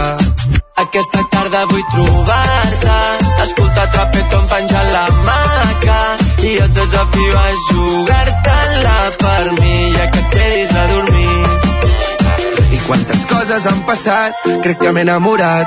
He sentit papallones a la panxa i mascatat. Els meus CDs l'han tramat, a mi m'han embaucat. M'han fet jugar a un joc de Déu. De l'1 al que surts amb mi aquesta nit De l'1 al que vas amb traça que el partit De l'1 al que, de l'1 al que, de l'1 al que He perdut un de l'1 al que I ara no m'atreveixo a fer-ho M'han encertat de l'1 al 1000 i he de declarar el meu amor de gamberro. Moment al territori 17 de posar-nos al dia, d'actualitzar-nos amb les notícies més destacades de les nostres comarques. Ho fem en connexió amb les diferents emissores que dia a dia fan possible aquest programa, una codinenca la veu de Sant Joan, Ràdio Cardedeu, Ràdio Vic, el 9 FM, també ens podeu veure a través del nou TV de Twitch i de YouTube. Ja sabeu, el territori 17, aquest magazín de les comarques d'Osona, el Ripollès, el Vallès Oriental i el Moianès. Granollers presenta el nou servei de neteja del mobiliari urbà i retirada de grafits i enganxines. Pol Grau, Ràdio Televisió, Cardedeu. L'Ajuntament de Granollers ha presentat aquest dimecres el nou servei de neteja de grafits, enganxines i altres elements del mobiliari urbà. El servei, que es farà un cop a la setmana, consisteix en un sistema d'aigua a pressió, amb un sol operari. L'objectiu és mantenir òptim l'estat de la via pública, així com millorar la imatge de carrers i places de la ciutat. Fanals, senyalitzacions, plafons, informatius, cartelleres, cilindres publicitaris són elements que ara queden inclosos dins de les tasques setmanals de neteja, amb un manteniment periòdic perquè quedin lliures de pols i taques, així com de qualsevol altre component que pugui malmetre l'estructura o la seva imatge. El consistori assegura que els tractaments de neteja es faran sota criteris sostenibles, vetllant així per l'entorn i tenint en compte les característiques pròpies de cada element. Tres empreses d'Osona formen part del patronat de l'Institut de la Llet de Catalunya. Són la formatgeria Batara, establerta Olost i Perafita, el grup Bonpreu i Geporc, a més de la cooperativa Plana de Vic, ocuparà la secretaria, representant la, la Federació de Cooperatives Catalanes. Sergi Vives. La Fundació Institut de la Llet i els Productes Làctics de Catalunya es va constituir aquest dimarts davant de notari amb 26 patrons. La presidència la té l'empresa Danone, la vicepresidència Capravo, la secretaria li ha correspost a la Federació de Cooperatives Agràries de Catalunya, de, que, de la que forma part la cooperativa Plana de Vic, i la tresoreria l'assumirà Unió de Pagesos. Els representants del patronat formen part d'organitzacions i empreses de les diferents baules de la cadena alimentària. L'Institut vol actuar així com a aglutinador dels agents implicats en la producció, la transformació i la distribució de la llet i promocionar aquest producte i els seus derivats com a aliments saludables i sostenibles. El Departament d'Acció Climàtica, Alimentació i Agenda Rural de la Generalitat hi destina 70.000 euros al primer any i 100.000 al segon. Més qüestions. Com estalviar la factura de la llum és el títol del debat celebrat aquest dimarts a Vic sobre les instal·lacions de generació d'energia fotovoltaica, Sergi. Com podem estalviar en la factura energètica amb una instal·lació de plaques solars? Aquesta és la pregunta que va intentar respondre a la taula rodona i aquest dimarts va celebrar-se a la seu del 9-9 i que va comptar amb la presència de Miquel Bosch i Guillem Casals, director d'operacions i responsable de compres de l'empresa Bassols Energia i també d'Albert Castells, regidor de Medi Ambient de l'Ajuntament de Vic. Amb seu a Olot i Banyoles, Bassols Energia treballa amb energies netes i lliures d'emissions, una aposta per aturar el canvi climàtic i que passa per la transició energètica. La taula rodona organitzada pel Bicentenari va centrar-se en l'energia solar fotovoltaica, un sistema que en el context actual maximitza l'estalvi. I és que amb el seu preu de i, i és que amb el preu uh, de l'energia pels núvols, fer el pas cap a un sistema d'energia solar permet disminuir la factura de llum i així és tal com ho explicava Casals. En el context actual en el que ens trobem, amb el preu de les, el preu de les energies han sobrepassat els nivells històrics, doncs l'energia solar fotovoltaica és, un, és una ajuda per a les famílies. Hem d'entendre que suposa un gran un descompte important en la, en la factura energètica que, que com ja he comentat s'ha vist quasi ben doblada en moltes ocasions segons Casals, un sistema que poden implementar tant particulars com empreses que vulguin ser més sostenibles i guanyar independència energètica. L'autoconsum en aquest cas es, es pot realitzar tant a nivell domèstic per vivendes, per familiars com a nivell industrial i, i en, els, en els dos casos és, és, és una ajuda eh, s'ha de, de, de veure també una miqueta quines són les possibles limitacions que comporten les vivendes no? també depenent molt de quin, on es poden ubicar els panells fotovoltaics però bàsicament és, és una ajuda seguríssima en aquest aspecte. A la taula rodona també es va parlar dels avantatges fiscals que comporta instal·lar sistemes de generació d'energies renovables, com són les ajudes a l'hora de fer inversions en aquestes instal·lacions o el descompte de l'IBI. Més qüestions. Comencen les obres al carrer Núria de Ribes de Freser per un import de 282.000 euros i que afectaran la mobilitat al poble. Isaac Muntades, la veu de Sant Joan. Aquesta setmana han començat les obres d'urbanització del carrer Núria de Ribes de Freser, enmarcades en el Pla Únic d'Obres i Serveis de Catalunya i que han d'estar enllestides el pròxim 20 de desembre. La idea de l'alcaldessa Mònica Sant Jaume és que els treballs estiguin acabats la setmana abans de Nadal perquè no generin una afectació important al municipi durant les dates nadalenques, però cal preveure els possibles contratemps de la meteorologia. Els treballs han tingut un cost de gairebé 282.000 euros amb l'IVA inclòs, dels quals n'hi ha un 95% de subvencionats pel POSC i aniran a càrrec d'obres i paviments bou. Sant Jaume ha remarcat la importància de tenir el carrer Núria arreglat. La finalitat doncs, de l'Ajuntament de Ribes era fer aquesta reurbanització ampliant l'eix comercial del carrer Major, el carrer Eres i el carrer Núria i per tant ja unint aquests tres carrers diguem, més comercials que enllacen els dos pols de Ribes. Llavors la idea principal és millorar els serveis, eliminar sobretot les barres arquitectòniques i eh, permetre permetre que el carrer Núria pugui continuar sent una via de trànsit rodat important per annexar els municipis de, de Caralps i de Pardines, però que no perdi la idiosincràsia de continuar sent un eix o de, o de potenciar aquest eix comercial. Evidentment, durant aquests dies la circulació del trànsit rodat per Ribes es veurà alterada de manera important i també per accedir als nuclis de Caralps i Pardines. El que sí que s'ha prohibit són els vehicles llargs i de gran tonatge, per tant els de més de 10 metres no poden passar durant aquests dos mesos i eh, s'ha habilitat unes vies vies, no? una, una, diguem, una mobilitat alternativa perquè no es pugui trepitjar el carrer Núria i els colindants, el carrer Estiradors i el carrer Freser, eh, perquè són les dues interseccions, una amb el carrer Eres i l'altra amb la continuïtat del carrer Núria, per tal de poder portar a terme les, les obres amb, diguem, amb tranquil·litat. En el seu moment, l'Ajuntament ribetà ja va arreglar el carrer de les Eres que acaba desembocant al carrer Núria. Quatre colles castelleres del Vallès Oriental s'uneixen per crear el primer premi al millor treball de recerca de batxillerat amb temàtica castellera. Caral Campà, zona codinenca. La colla castellera de Caldes de Montbui, els xics de Granollers, els manyacs de Parets i els castellers de Mollet han impulsat un projecte conjunt amb els 41 instituts de la comarca per tirar endavant aquest Premi de Recerca de Batxillerat sobre el món casteller. Sentim un dels representants de la colla dels xics de Granollers. De fet, no tinc, no tinc informació de que de batxillerat hi hagi cap premi de recerca. Hi ha un premi de recerca sobre el món casteller a nivell grau universitari, però a nivell de batxillerat eh, potser alguna comarca ho fa però no, no n'he trobat informació L'objectiu de les colles és apropar els castells als estudiants de batxillerat i promoure investigacions d'aquest àmbit. Les temàtiques poden ser diverses, des d'estudiar la vessant històrica tant com la sanitària o la psicològica. O sigui que si, per exemple, un nano està pensant que de gran vol ser psicòleg o sociòleg o així, vol fer un treball dedicat a la, a la por dels castells o a la motivació dels castells, doncs l'enfocarem a que parli amb la gent de la tècnica de canalla de les diferents colles. No només que mirin la colla que està més propera del seu institut, sinó que tingui una visió més àmplia i pugui enriquir-se amb, amb l'experiència de les quatre colles que són diferents. El termini per presentar treballs s'obrirà a finals de l'any vinent, des de l'1 de desembre del 2023 fins al 31 de març del 2024. Del total que es presentin s'escolliran tres finalistes que hauran de defensar els seus treballs davant un tribunal format per vuit persones de les colles organitzadores. La dotació econòmica del primer Premi Castellers Vallès Oriental és de 200 euros.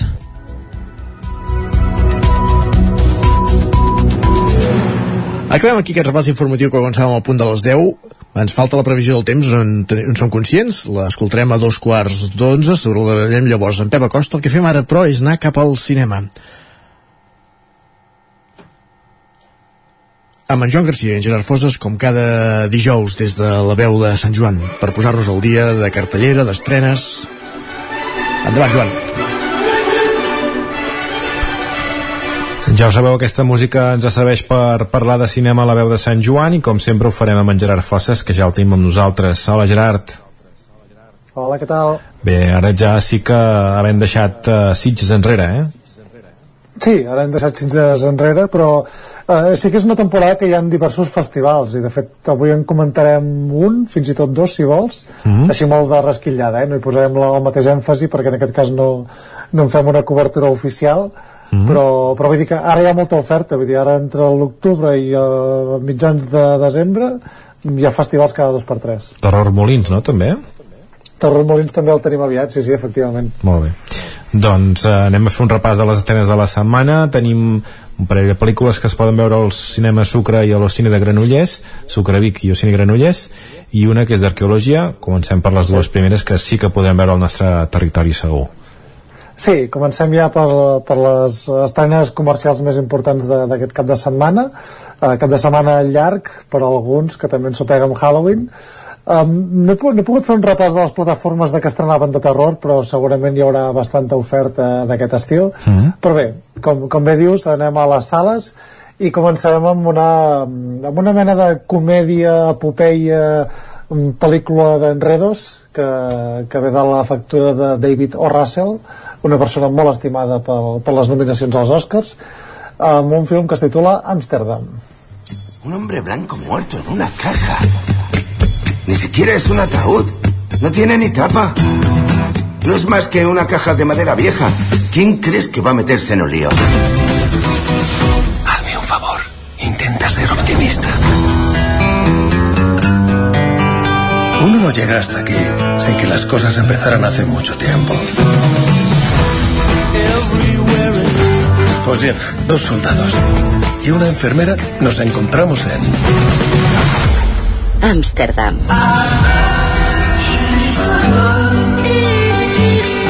Hicimos un pacto y juramos protegernos, pasara lo que pasara.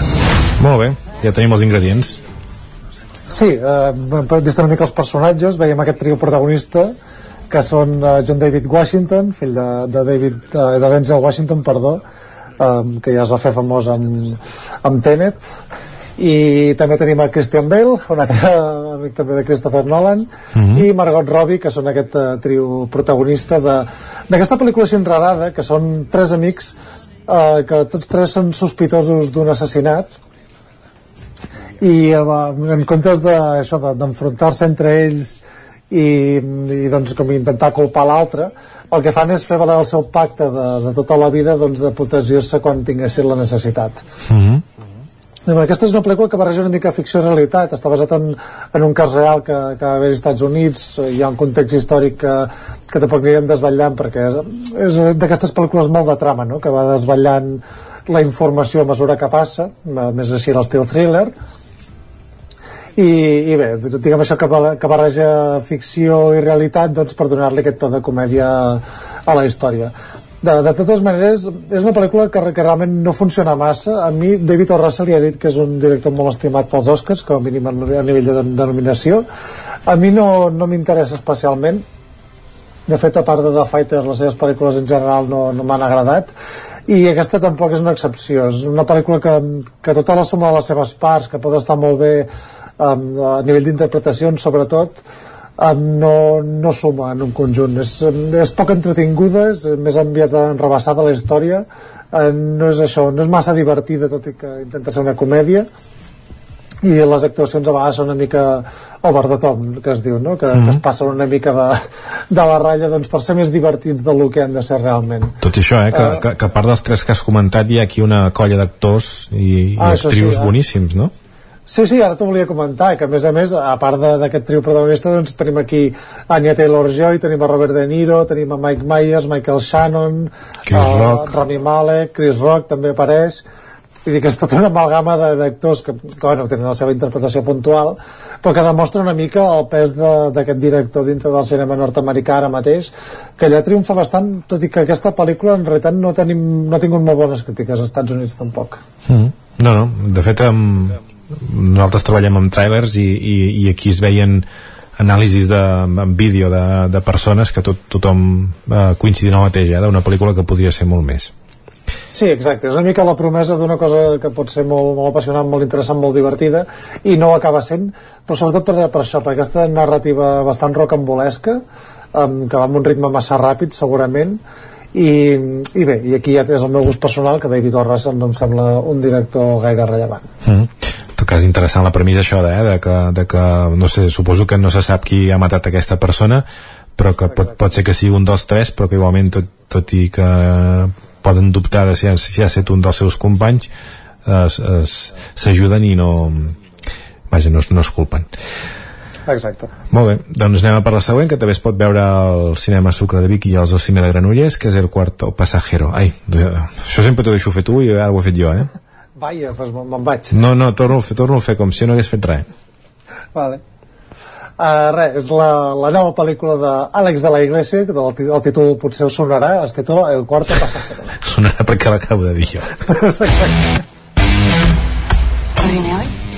pesado viene que me ha mandado no sé cuántos WhatsApps cambiándome el lugar de recogida como si fuera un ministro. ¿Y por qué estamos parados? Porque estamos esperando a otra persona. Y luego viene un señor eh, gordito, informático, que parece muy majo. Cosas de gordito nada. Eso no es, tú no eres Carlos. Sí, bueno, digamos que sí, ¿verdad? Eh. Bueno, vámonos, ¿no? Va, explica'ns què són aquestes quatre persones que coincideixen en un cotxe i per què? Bé, aquí el, el punt de partida és uh, aquestes típiques aplicacions de, de compartir uh, cotxe per, per fer un viatge llarg, tipus mm. BlaBlaCar i aquestes històries. Um, el protagonista és un, un home divorciat amb problemes econòmics, que és aquest interpretat per Alberto San Juan, que, que bé, doncs fa habitualment aquests viatges compartint cotxe doncs, per resoldre una mica aquests problemes econòmics que té.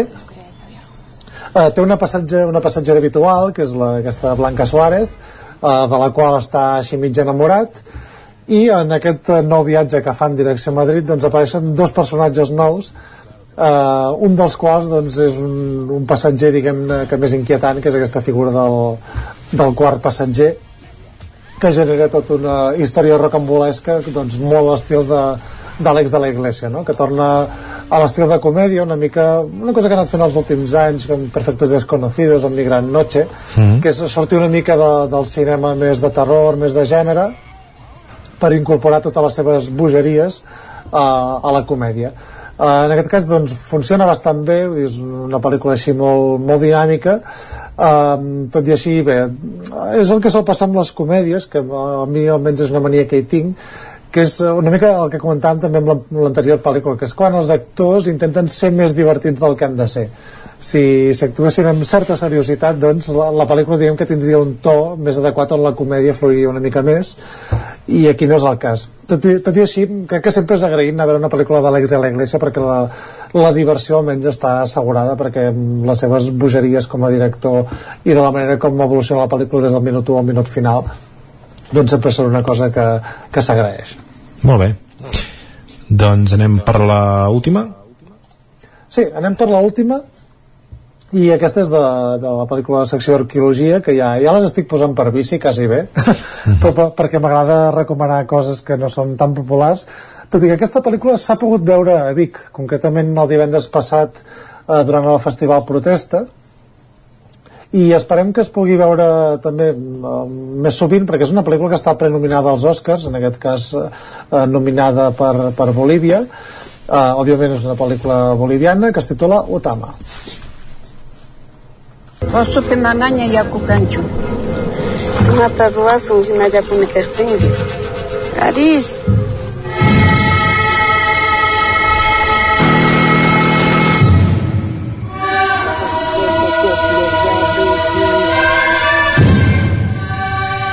Abuelo, ¿estás bien? No sé si, si es va poder veure filmin o no, perquè eh, aquests darrers dos anys ens hem acostumat a que totes les coses que es feien en festivals, com que l'aforament era molt limitat, hi havia filmin pel mig en aquest tipus de festivals i es podien veure allà però em sembla que es va reprenent la normalitat i d'una banda de film em sembla que va posant tocada com més difícil també Uh, sí, i, i... Enca encara hi ha versions de, bueno, encara hi ha estrenes a Filmin dintre de, de festivals però cada cop són estrenes com més limitades mm. en, en aquest cas el Protesta no, no tenia una secció a Filmin almenys d'estrenes de, i aquí que, que jo sàpiga eh? però, mm. però bé, no, no era el cas per exemple, Terror Molins ja en parlarem però sí que té una secció online a Filmin que aquests ells han decidit mantenir-la però bé, Otama és això, es va poder veure a Vic amb, amb una sessió bastant plena de públic, s'ha de dir i això és, és una pel·lícula on els protagonistes són dos avis que a més a més són actors no, no professionals que viuen en, en un altiplà allà a Bolívia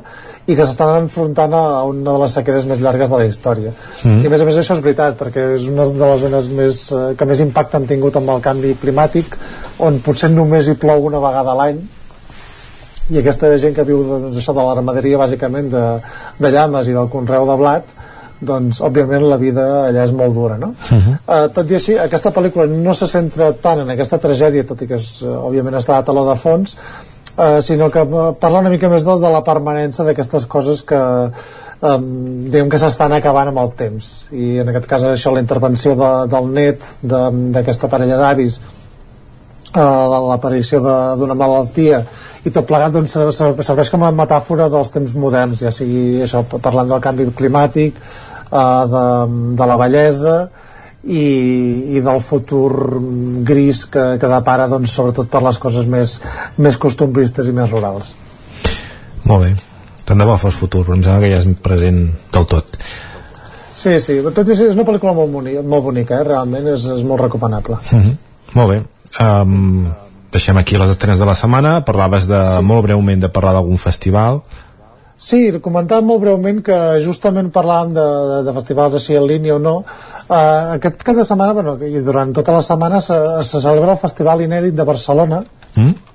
que, que com bé sabeu perquè ja comentem cada any, és un festival que a mi personalment m'agrada moltíssim és un, document, és un festival de, de cinema de documental musical Uh, també té alguna oferta online, no sé si en aquest cas a Filmin o la seva propi canal d'Inedit TV però diria que a Filmin es poden veure coses no sé si estrenes d'aquest any Mm -hmm. i bé, durant tota la setmana doncs, es projectarà doncs, una oferta molt variada de, de documental musical que no s'ha de confondre amb el cinema musical, que bàsicament això és una pel·lícula narrada normal on la gent es posa a cantar, sinó que aquí, aquí parlem doncs, de, de biografies de, de cantants, d'autors, d'anàlisi de música, d'esdeveniments, de concerts, i, i és un, un festival on realment totes les pel·lícules són, són com una petita sorpresa.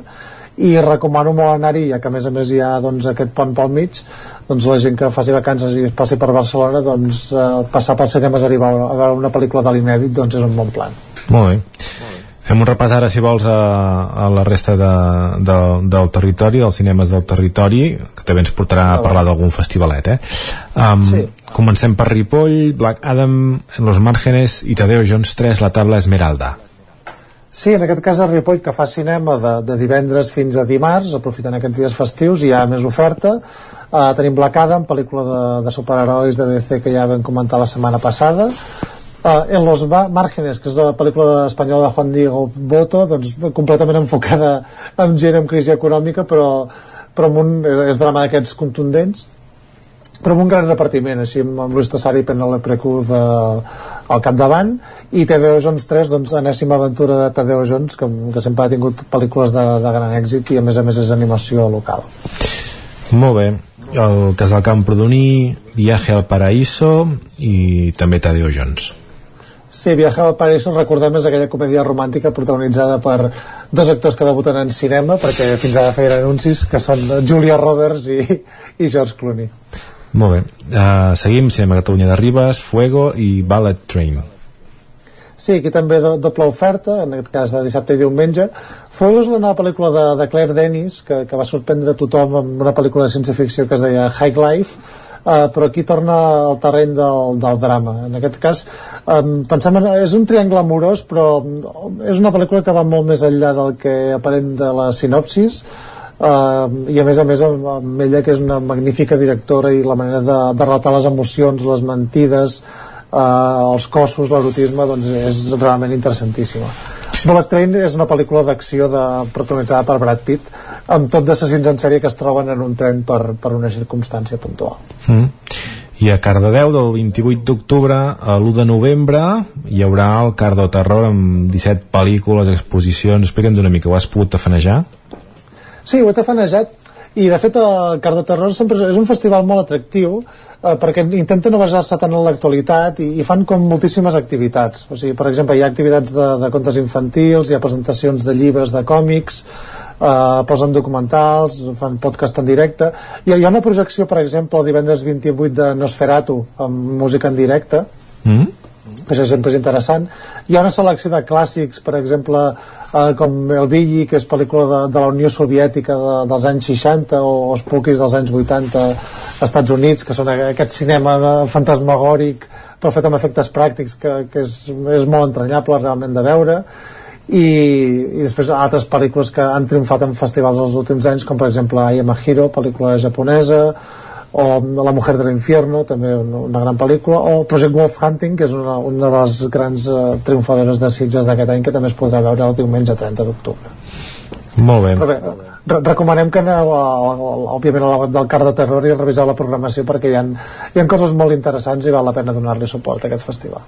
Cardoterror.cat que jo també proposo que l'any que ve es digui car de terror car de, car de, ah, exacte. Car de por molt bé. Uh, seguim a l'Alter de Torelló. Llac, l'últim gran concert que jo afegiria aquí un coma de moment. Exacte, de moment, o sigui, o pot fer concerts més petits, però bé, en aquest cas és la, la retransmissió d'un concert que van gravar l'any 2021 que amb participació de Joan Dausà, Gemma Met i altres cantants. el Casal de Gràcia de Montlleu, Toscana Sí, una comèdia catalana que està corrent ara amb el cicle Gaudí, que ja vam comentar també la setmana passada. Eh, comèdia bastant divertida, per cert, dir, podeu aprofitar per veure-la, ja que és l'única sessió de cinema que es fa dintre del Cineclub de... Ai, dintre del Casal de Gràcia de Manlleu aquest mes. i el Cineclub de Vic no hi tinc, no hi tinc res no, no fan res aquesta setmana No, es fa vacances perquè és, ens ho pega ben amb l'1 de novembre, però ja torna amb força a partir del dia 8. mm. Em sembla, per això, perdona, eh, el Cineclub Xic que no, ens l'oblidem sí que fan una projecció el dia 2 que és història d'una gavina i del gat que li va ensenyar a volar una pel·lícula d'animació del 1998 d'Enzo Dalo, és italiana Ah, no, però, no, perquè aquest és projecte el dia... El dia dos. El dia, el dia, no, el dia 6 de Ai. novembre. Doncs a mi em diu diumenge 2 d'octubre. Ai, clar, això, és- això és clar, però ui, ui, ui. Això està, està molt raro, perquè en un lloc diuen 2 d'octubre, però, però a l'altre diuen... No, no, ja està bé, ja està bé, sóc jo. No, no, a un lloc diu 2 de, nove 2 de novembre. Ah, que estrany. Pues aquí fan Supercook i altres històries d'amistat el 6 de novembre. Sí, sí, sí. No, no, perfecte. Doncs Gerard, moltíssimes Molt gràcies. Molt bé, fins la setmana que ve. La setmana vinent. Adéu-siau. Adéu-siau.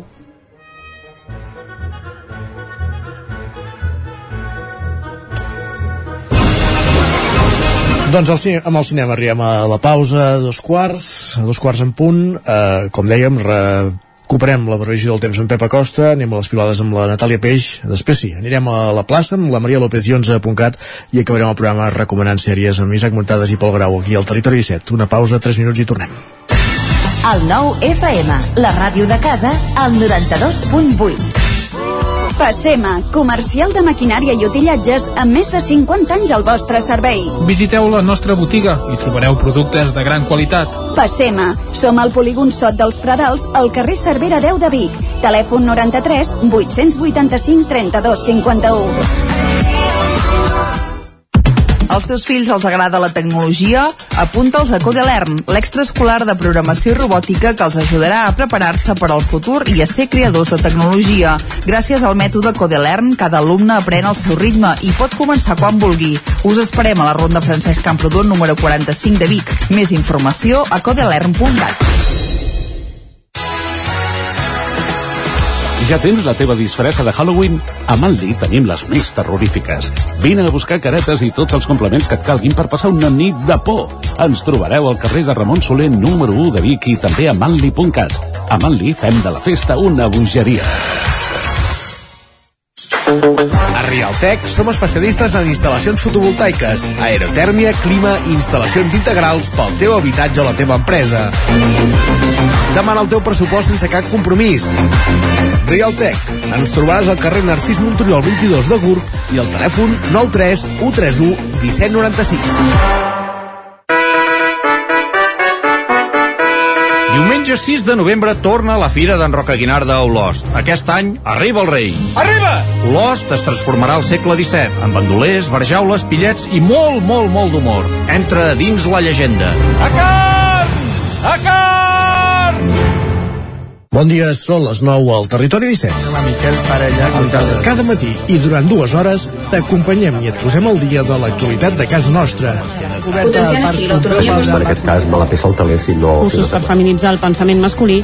Territori 17, el magazín matinal d'Osona, el Moianès, el Ripollès i el Vallès Oriental. Que la meva àvia de 93 el anys... 9 FM, el 9 TV, el 99.cat i també els nostres canals de Twitch i YouTube. Demà per fer-se un tatuatge. Cada matí, Territori 17. Ole. Cocodril Club. Si t'agrada la bona música dels anys 60, 70 i 80, escolta el 9 FM als matins de dissabtes i diumenges d'11 a 1. És el temps del Cocodril Club, tot un clàssic de la ràdio, amb les bases del pop-rock, les llegendes, les cançons que s'han convertit en autèntics himnes. Recorda, dissabtes i diumenges al matí, d'11 a 1, al 9 FM 92.8. Cocodril Club, el programa revival de l'Albert Malla. Hasta luego, cocodrilo. Anuncia't al 9FM. La màquina de casa. 9 3 8 8 9 4 9 4 9. Publicitat arroba al 9FM.cat. Anuncia't al 9FM. La publicitat més eficaç. En punt dos quarts d'onze.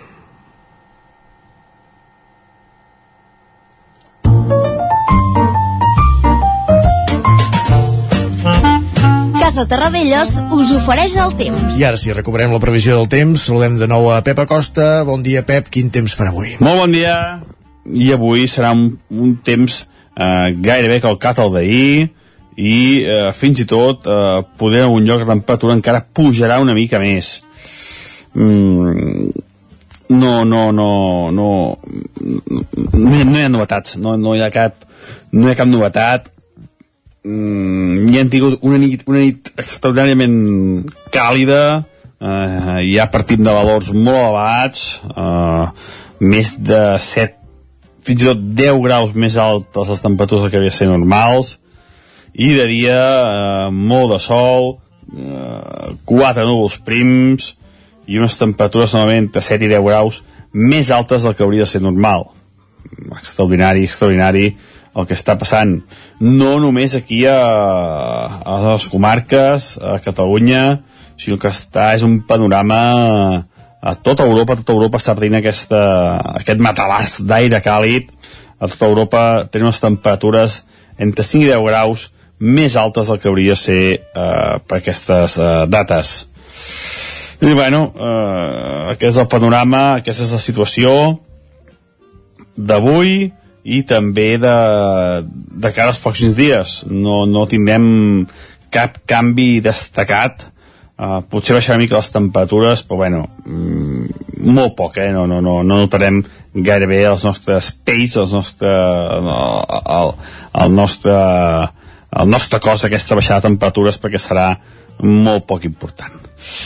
I això és tot. Uh, uh, disfrutar el dia d'avui. Com deia, un dia molt més càlid del normal, un dia sense precipitacions i un dia de, de, de, de, tot, de tot extraordinari amb, amb una situació uh, molt, molt, uh, molt alarmant, molt alarmant, molt alarmant. Vinga, moltes gràcies i disfrutar el dia. Adeu. Igualment, fins demà, Pep. Casa Tarradellas us ha ofert aquest espai.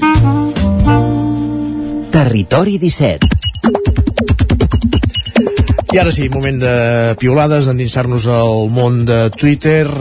Un dia més, podem dir ja, aquesta setmana, en companyia de la Natàlia Peix. Natàlia, benvinguda, bon dia. Hola, bon dia. Què tal, com estàs? Bé, de nou aquí. Perfecte. Suposem que a partir de dilluns ja La cosa tornarà la recuperarà normalitat. la titularitat a, en Guillem Sánchez. Molt bé. Va, comencem parlant de càstigs. No sé si Ai, ai. vosaltres us castigaven de petits, si fèieu una malifeta. Doncs bé, eh, arrenquem amb una piulada de la nostra companya de Ràdio i Televisió de Cardedeu, la Maria López. Ep, ep, ep. Ets per aquí, Maria? A veure... Això és traïció, eh? Què diu la Maria? Doncs la Maria diu Ahir el meu fill, 15 anys, va arribar una hora tard a casa sense avisar.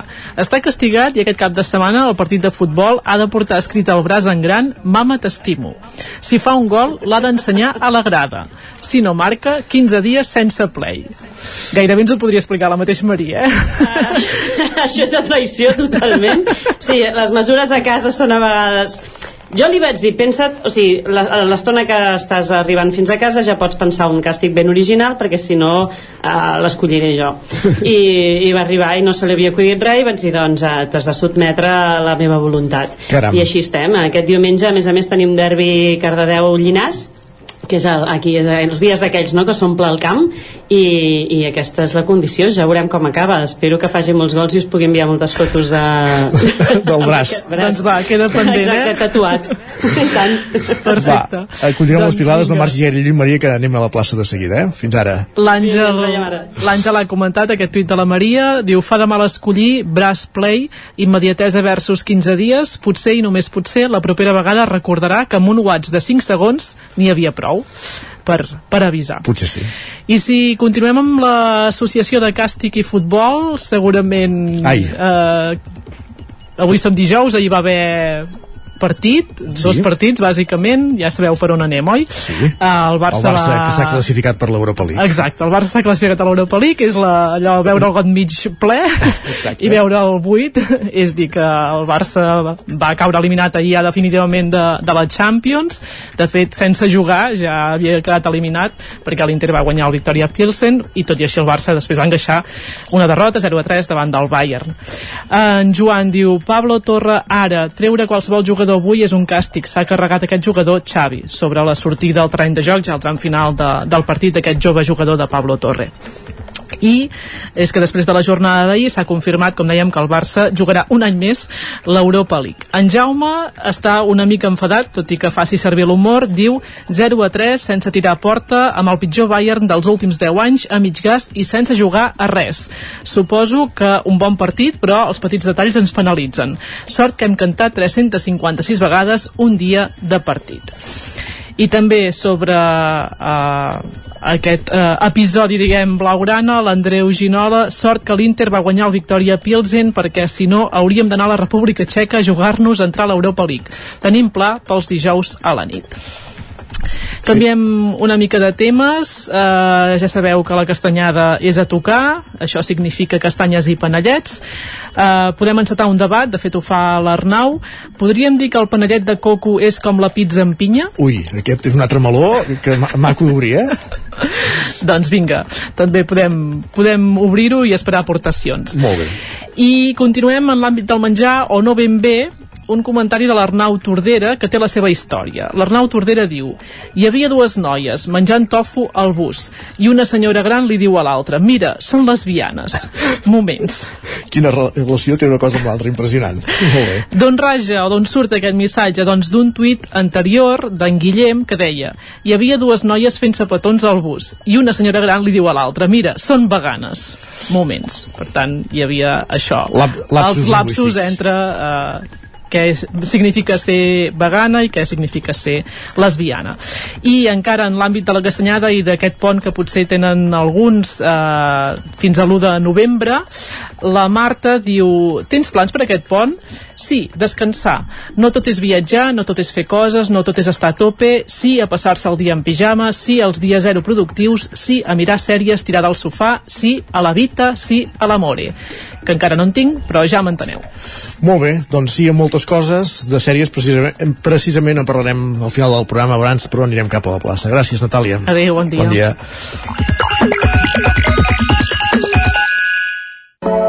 Territori 17, el 9 FM, la veu de Sant Joan, Ona Codinenca, Ràdio Cardedeu, Territori 17.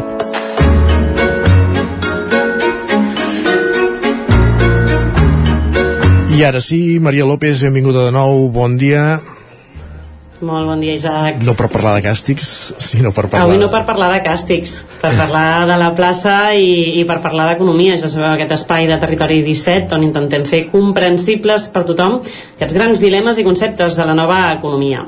I avui volem donar continuïtat a un tema que ja vam comentar en el seu dia aquí a la plaça, i és que volem tornar a posar sobre la taula les diferències que hi ha entre homes i dones a l'hora de gestionar els diners. I per fer-ho avui comptem novament amb la Lara Castro, cap d'agents d'11 i professional coach. Bon dia, Lara.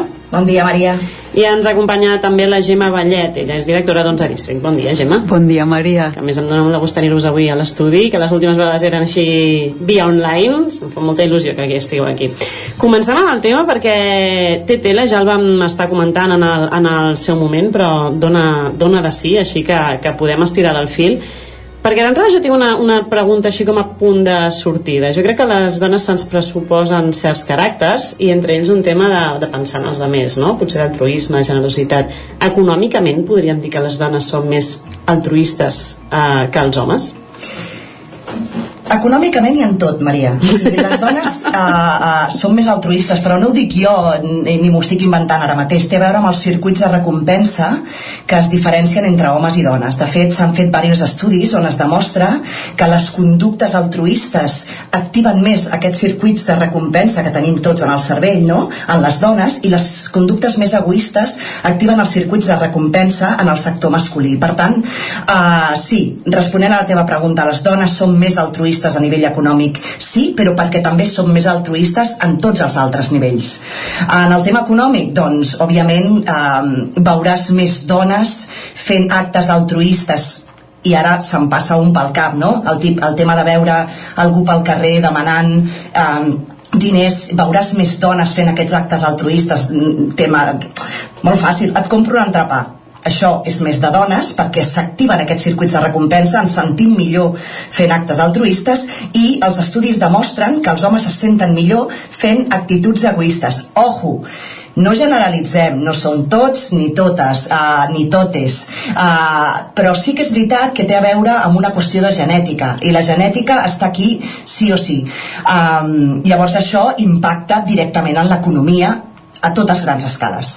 A les dones se'ns pressuposa d'alguna manera aquest rol d'administració de, la, de la llar tradicionalment eh, i en canvi tot i que tenim aquest, aquest rol, no trobes tantes dones administrant una empresa o, o, o dirigint eh, a nivell finances en, en grans entitats. D'alguna manera, aquí tenim un, un, un tema, no? Si els gestionem millor, se suposa, o per això tenim aquesta càrrega a casa, què passa després? Home, passa el de sempre, el poder, eh, el, el patriarcat, eh, la poca voluntat de donar aquest poder a les dones, perquè encara, i, i tot i que s'està lluitant i s'està aconseguint, encara suposa que la dona s'ha de quedar a casa a gestionar aquestes finances. Clar, per què són més bones les dones gestionant finances de casa? Perquè sempre ho hem fet i perquè moltes vegades hem hagut de gestionar eh, eh, molts pocs diners i donar cabuda a moltes coses, cosa que els homes com mai han estat amb la necessitat de fer-ho, no han sapigut fer-ho. Al final, quan tu saps fer una cosa és perquè l'has hagut de fer molt de temps. Per tant, et, et, et converteixes en un expert en això. Les dones, històricament, ens hem quedat a casa, hem sapigut gestionar d'una manera molt sana i molt um, efectiva el tema dels diners, però què passa quan hem de saltar al sector empresa per liderar departaments de finances? Allà ja entra on és l'home? I l'home ja no li fa tanta gràcia, ja no són quatre tonteries per comprar el pa i les cebes, ara ja estem parlant de gestionar les finances d'una empresa. Que siguem o no siguem capaç, capaços de fer? Està clar que ho som. De fet, cada vegada més hi ha dones ocupant posicions de poder. El que passa és que el tema de les finances encara trigarà una mica, perquè primer hem de entre cometes, apoderar-nos, entre cometes, empoderar-nos en altres situacions de poder per poder arribar a la fita final, que és la finança dintre de l'empresa, que és on realment està, uh, està el cara a cara amb el sector masculí, no? Fins a quin punt aquestes uh, algunes mesures que s'estan prenent no? a nivell empresarial doncs, que es demani certa paritat a, a juntes directives, etc jo crec que hi ha, hi ha sectors que encara ho, vis, ho viuen molt com una obligatorietat que et pot portar a tenir persones que potser no serien del tot competents comparades amb altres, no? entre aquest joc de dir mm, estem tenint les persones més o menys competents en el moment que assolir això i fins a quin punt són necessàries aquestes mesures perquè precisament les dones s'acabin d'empoderar i els empresaris entenguin que existeix aquesta possibilitat. Cada anem més enllà, perquè fixa't que el que està passant ara és un canvi de mentalitat que, que, que els està d'alguna manera topant amb l'Església. Què és l'Església? Tots aquests mandos directius, tot aquest... Con la iglesia hemos topado. Con la iglesia hemos topado, exacto. No, tots els mandos directius que són d'aquesta generació que estan a punt de jubilar-se però encara no, que clar, quan ells van arribar al poder encara no hi havia aquesta, pari, aquesta necessitat de paritat, aquest alçar la, va, alçar la mà i alçar la veu en quant a paritat dintre de l'empresa. Per tant, estan fent un canvi de mentalitat que està xocant directament amb aquests mandos directius, amb aquesta línia que encara està posant a les empreses. Quan aquesta línia es desfaci perquè entrin dintre de la, ja de la jubilació, tot això canviarà, perquè realment estem venint amb molta força, però no només les dones, i això és una que també haig de posar sobre la taula, que sempre, que si el patriarcat i el feminisme, sí, això, això està molt bé, però dintre de les empreses ja hi ha molts empresaris, ja hi ha molts líders que estan veient la necessitat de paritat, però no per la paritat en si, sinó per les competències que la dona ofereix dintre de l'empresa, que són completament diferents i que impacten d'una manera diferent, no només en el negoci, sinó en tot l'estaf, no? sinó en tota l'organització. Per tant, jo tinc fe en que quan desapareixi aquesta primera línia, que és com una espècie d'embut, que està fent d'embut, vingui tota una segona línia de paritat real a mandos directius dintre d'empreses. Creus que existiria la, la possibilitat de que ens acabi passant una mena d'efecte pèndol? O sigui, d'alguna manera portem ara uns anys molt forts eh, apretant en aquesta, en aquesta línia, no? amb aquests canvis de, de rol i de paradigma general de, a nivell empresarial. Fins a quin punt això no ens pot jugar a la contra eh, i, i que des, arribant a aquest punt ens torni i hi hagi com un moviment hiperradical cap a l'altra banda no? històricament aquests pèndols que han passat d'una lluita molt, molt aferrisada cap a una banda i de cop que salti tot cap a l'altra genera por o creus que no? Que realment és qüestió d'uns anys i a poc a poc anar calant, anar calant, no? És que pensa que portem molts anys. Llavors, eh, aquest canvi mai s'ha fet a nivell històric. Llavors, com mai s'ha fet a nivell històric i com jo també penso que portem molts anys agafats de la mà, l'únic efecte pèndol, que no és un efecte pèndol que es podria crear i que no em fa por, és que canviés tot i llavors totes les posicions directives les ocupessin dones. Um, jo crec que seria algo positiu, però no per res, perquè el món està canviant, les necessitats del món estan canviant i les competències que es necessiten per viure d'una manera sana en aquest món han de ser diferents i han de ser competències femenines però no per, ser, per, per la feminitat en si, sinó perquè tot el que el femení ha hagut d'aprendre a nivell històric i com lo femení, les dones ens enfrontem, ens afrontem en aquest món, no?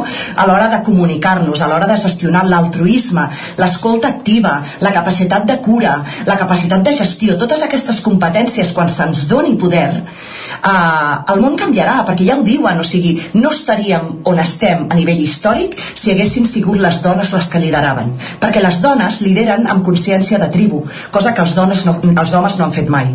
Per tant, quan se'ns comencin a obrir les portes, jo uh, no tinc por a que tornem a, una, no, a, un, a, un, a un espai molt més masculí el que, el que em fa molta il·lusió i el que jo crec que tindria molt de sentit i el que jo crec que acabarà passant és que canviarà el sistema d'una manera tan radical perquè tota aquesta consciència de tribu entrarà dintre del lideratge femení i les dones seran les que lideraran uh, les grans decisions, no només d'empresa sinó de país.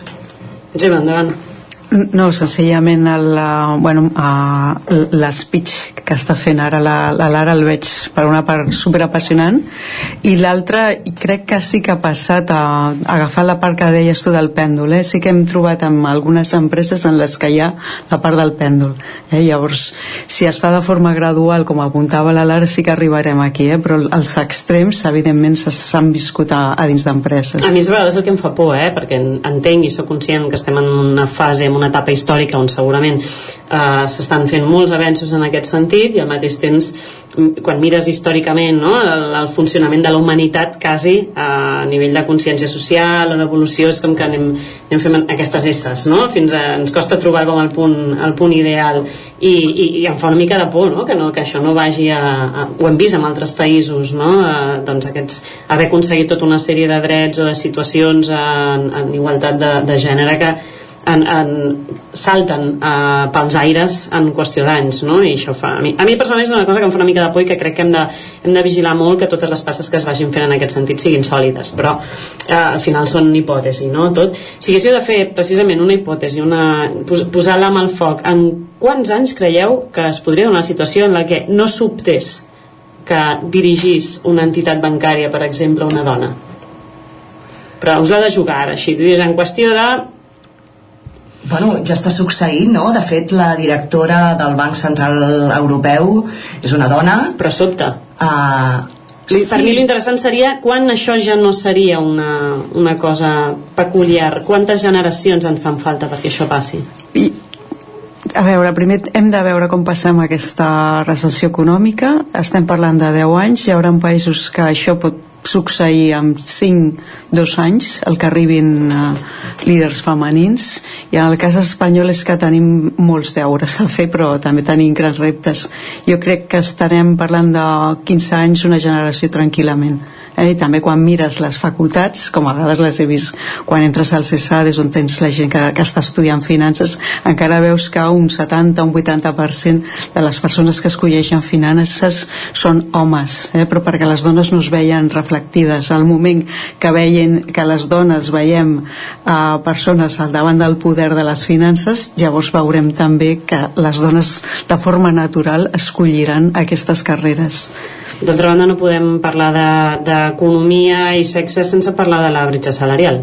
Uh, què ens passa aquí? Perquè aquí em sembla que no hi ha manera, eh? que és, és, la, és com l'última batalla. Bueno, a poc a poc, és el que diem, no? el que està dient la Gemma ara mateix. Al final ha sigut una feina tan de passa a passa que jo crec que hi arribarem. Jo tinc fe en arribar-hi. Um, I cada vegada més perquè cada vegada en som més conscients abans de qualsevol canvi hi ha d'haver consciència. Si hi ha consciència ja hem començat el canvi, per dir-ho d'una altra manera. Per tant, la bretxa salarial està sobre la taula des de fa molt de temps. Uh, hi ha aquesta resistència perquè tornem a la primera pregunta, Maria, en recorda't, l'embut dintre de les empreses és pràcticament masculí, amb una mentalitat molt masculina i molt, uh, de, de, molt, molt, molt estereotipada, per dir-ho d'alguna manera, uh, però quan aquesta generació ja, ja marxi, ja, ja deixi deixi via lliure per altres generacions molt més obertes de ment, llavors aquí és quan començaran realment a canviar les coses.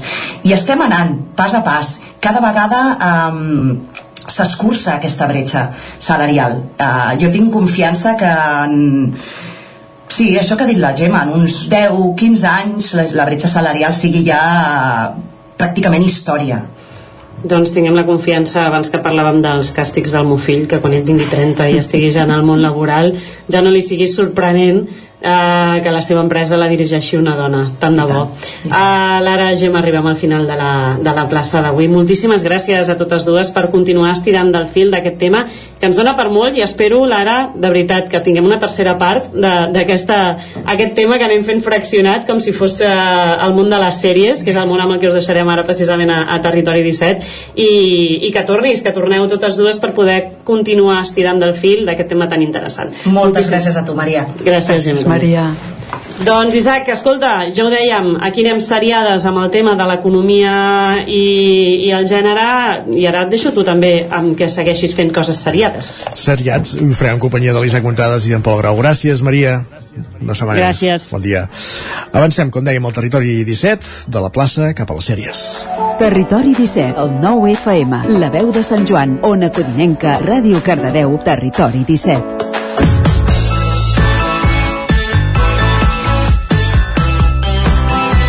8 minuts perquè siguin les 11 del matí. El Territori 17 l'acabarem com cada dijous fent algunes recomanacions de les sèries que podem trobar a les plataformes. Ho fem en companyia, com dèiem, de, de l'Isaac Muntades i d'en Pol Grau. Saludem primer de tot a l'Isaac. Benvingut, bon dia de nou.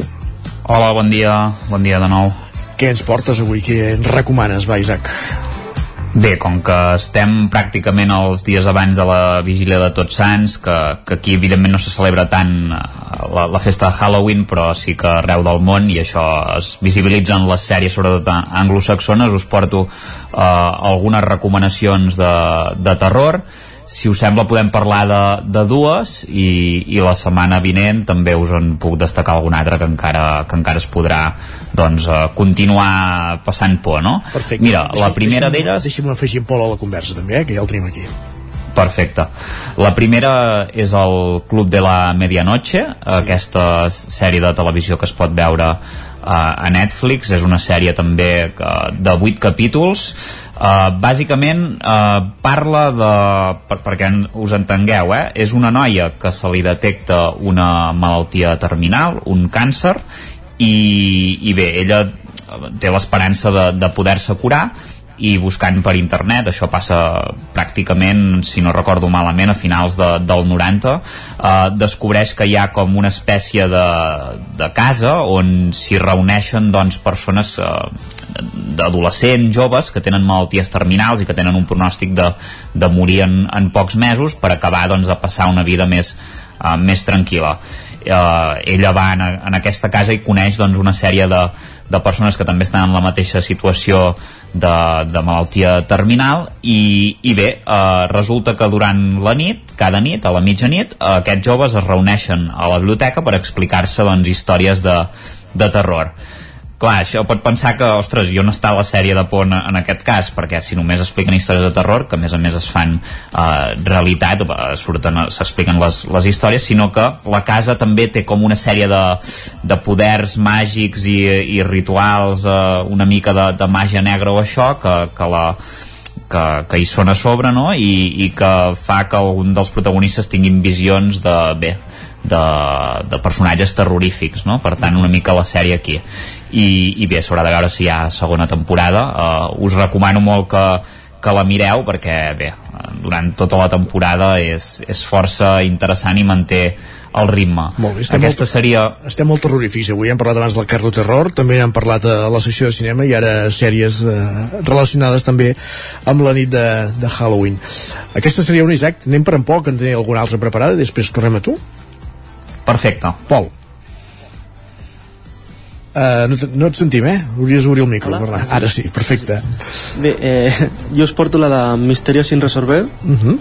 que és un reboot de la clàssica sèrie dels anys 80-90, on l'any el 2020 es va, entrenar, es va estrenar la primera temporada, bueno, el volumen 1 que posa aquí a Netflix, està, la teniu disponible a Netflix, amb 6 capítols, i l'any passat crec es va estrenar la segona, el segon volum, també amb 6 capítols, i ara el dimarts passat es va estrenar el tercer volum, amb tres capítols més, on aquest dimarts es van, es van estrenar tres capítols més, i dimarts que ve tindrem els últims tres capítols de la temporada, on parlant de casos, és un estil quarto milenio americà, on parlant de casos reals, on hi han coses que no els quadra o no, no els hi surten les comptes, com per exemple alguna desaparició d'algun familiar, on a poc a poc van descobrint pistes però que no els hi quadren o que no que no saben com ha passat. Eh, també hi ha casos recents, com per exemple el tsunami que va haver-hi al Japó, on ens parla dels, que en un poble dels, de, de Japó, amb els monjos,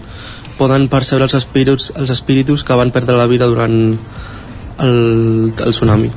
Eh, tenim altres casos mm, bastant interessants i que a mi m'han tocat de familiars amb, on els fills per exemple han portat els seus pares a mans de la seva parella però que no saben per què encara ni res. I sempre diuen que si coneixes algú o saps informació puguis contactar per donar-li més pistes per seguir amb el cas. O sigui, són casos que no s'han tancat perquè no saben la causa però que segueixen en peu encara. Hi ha els clàssics d'ovnis i d'estos paranormals que són els més fantasmals així però que també estan guais i divertits. Perfecte, doncs segona recomanació del dia. Tenim un minut i mig, Isaac, atreveixes a fer-ne una de molt ràpida? I tant, i tant. Uh, mira, 28 dies paranormales a Netflix, són 6 capítols. Això bàsicament és un reality show americà, uh, que aquí has de deduir si és veritat o és mentit el que estàs veient, que bàsicament són tres equips d'investigació que es dirigeixen a tres uh, cases o llocs uh, on teòricament, uh, teòricament no, hi han passat fets escabrosos com assassinats uh, en el passat, i aquí doncs hi van aquests equips i han d'investigar a veure doncs exactament què ha succeït contactant-hi ja sigui fent sessions d'espiritisme uh, bé, hi ha, hi ha una sèrie de d'activitats que són molt estranyes i curioses i que realment jo, jo tampoc us la recomanaria aquesta, Ah, eh? vull dir és és, és una més aviat de, sí, exacte, és més aviat per riure que, que, per, eh, que de terror, perquè realment de terror en fa poc, perquè les actuacions dels actors semblen molt sobreactuades i, i bé, bàsicament eh, mm, no, no, no sabem si és veritat o no. Si, eh, això sí, m'imagino que ells eh, allà sí que ho devien passar malament, però des de fora realment hi ha moments que, que fa riure. Però bé, és entretinguda, com que són capítols de mitja hora es fa, es fa ràpida de veure. Doncs va, acabem. Recordem els tres, les tres sèries. Les dues teves, Isaac, eren... Sí, uh, 28 días paranormales i el Club de la Medianoche, totes dues a Netflix. I també Netflix la d'en Pol, que es deia... La de Misterios sin resolver. Sin resolver. Doncs moltes gràcies a tots dos i amb això acabem el territori 17 d'avui. Ens retrobem demà. Adéu-siau. Adéu. I nosaltres que, com dèiem, acabem el programa d'avui, us hem estat acompanyant des de les 9 del matí fins ara, que són pràcticament les 11.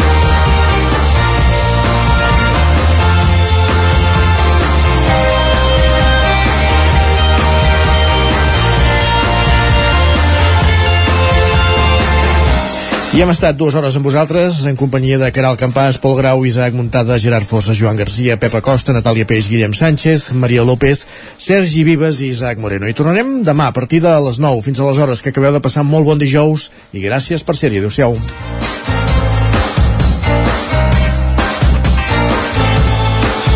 Territori 17, un magazín del nou FM. La veu de Sant Joan, Ona Codinenca i Ràdio Cardedeu amb el suport de la xarxa.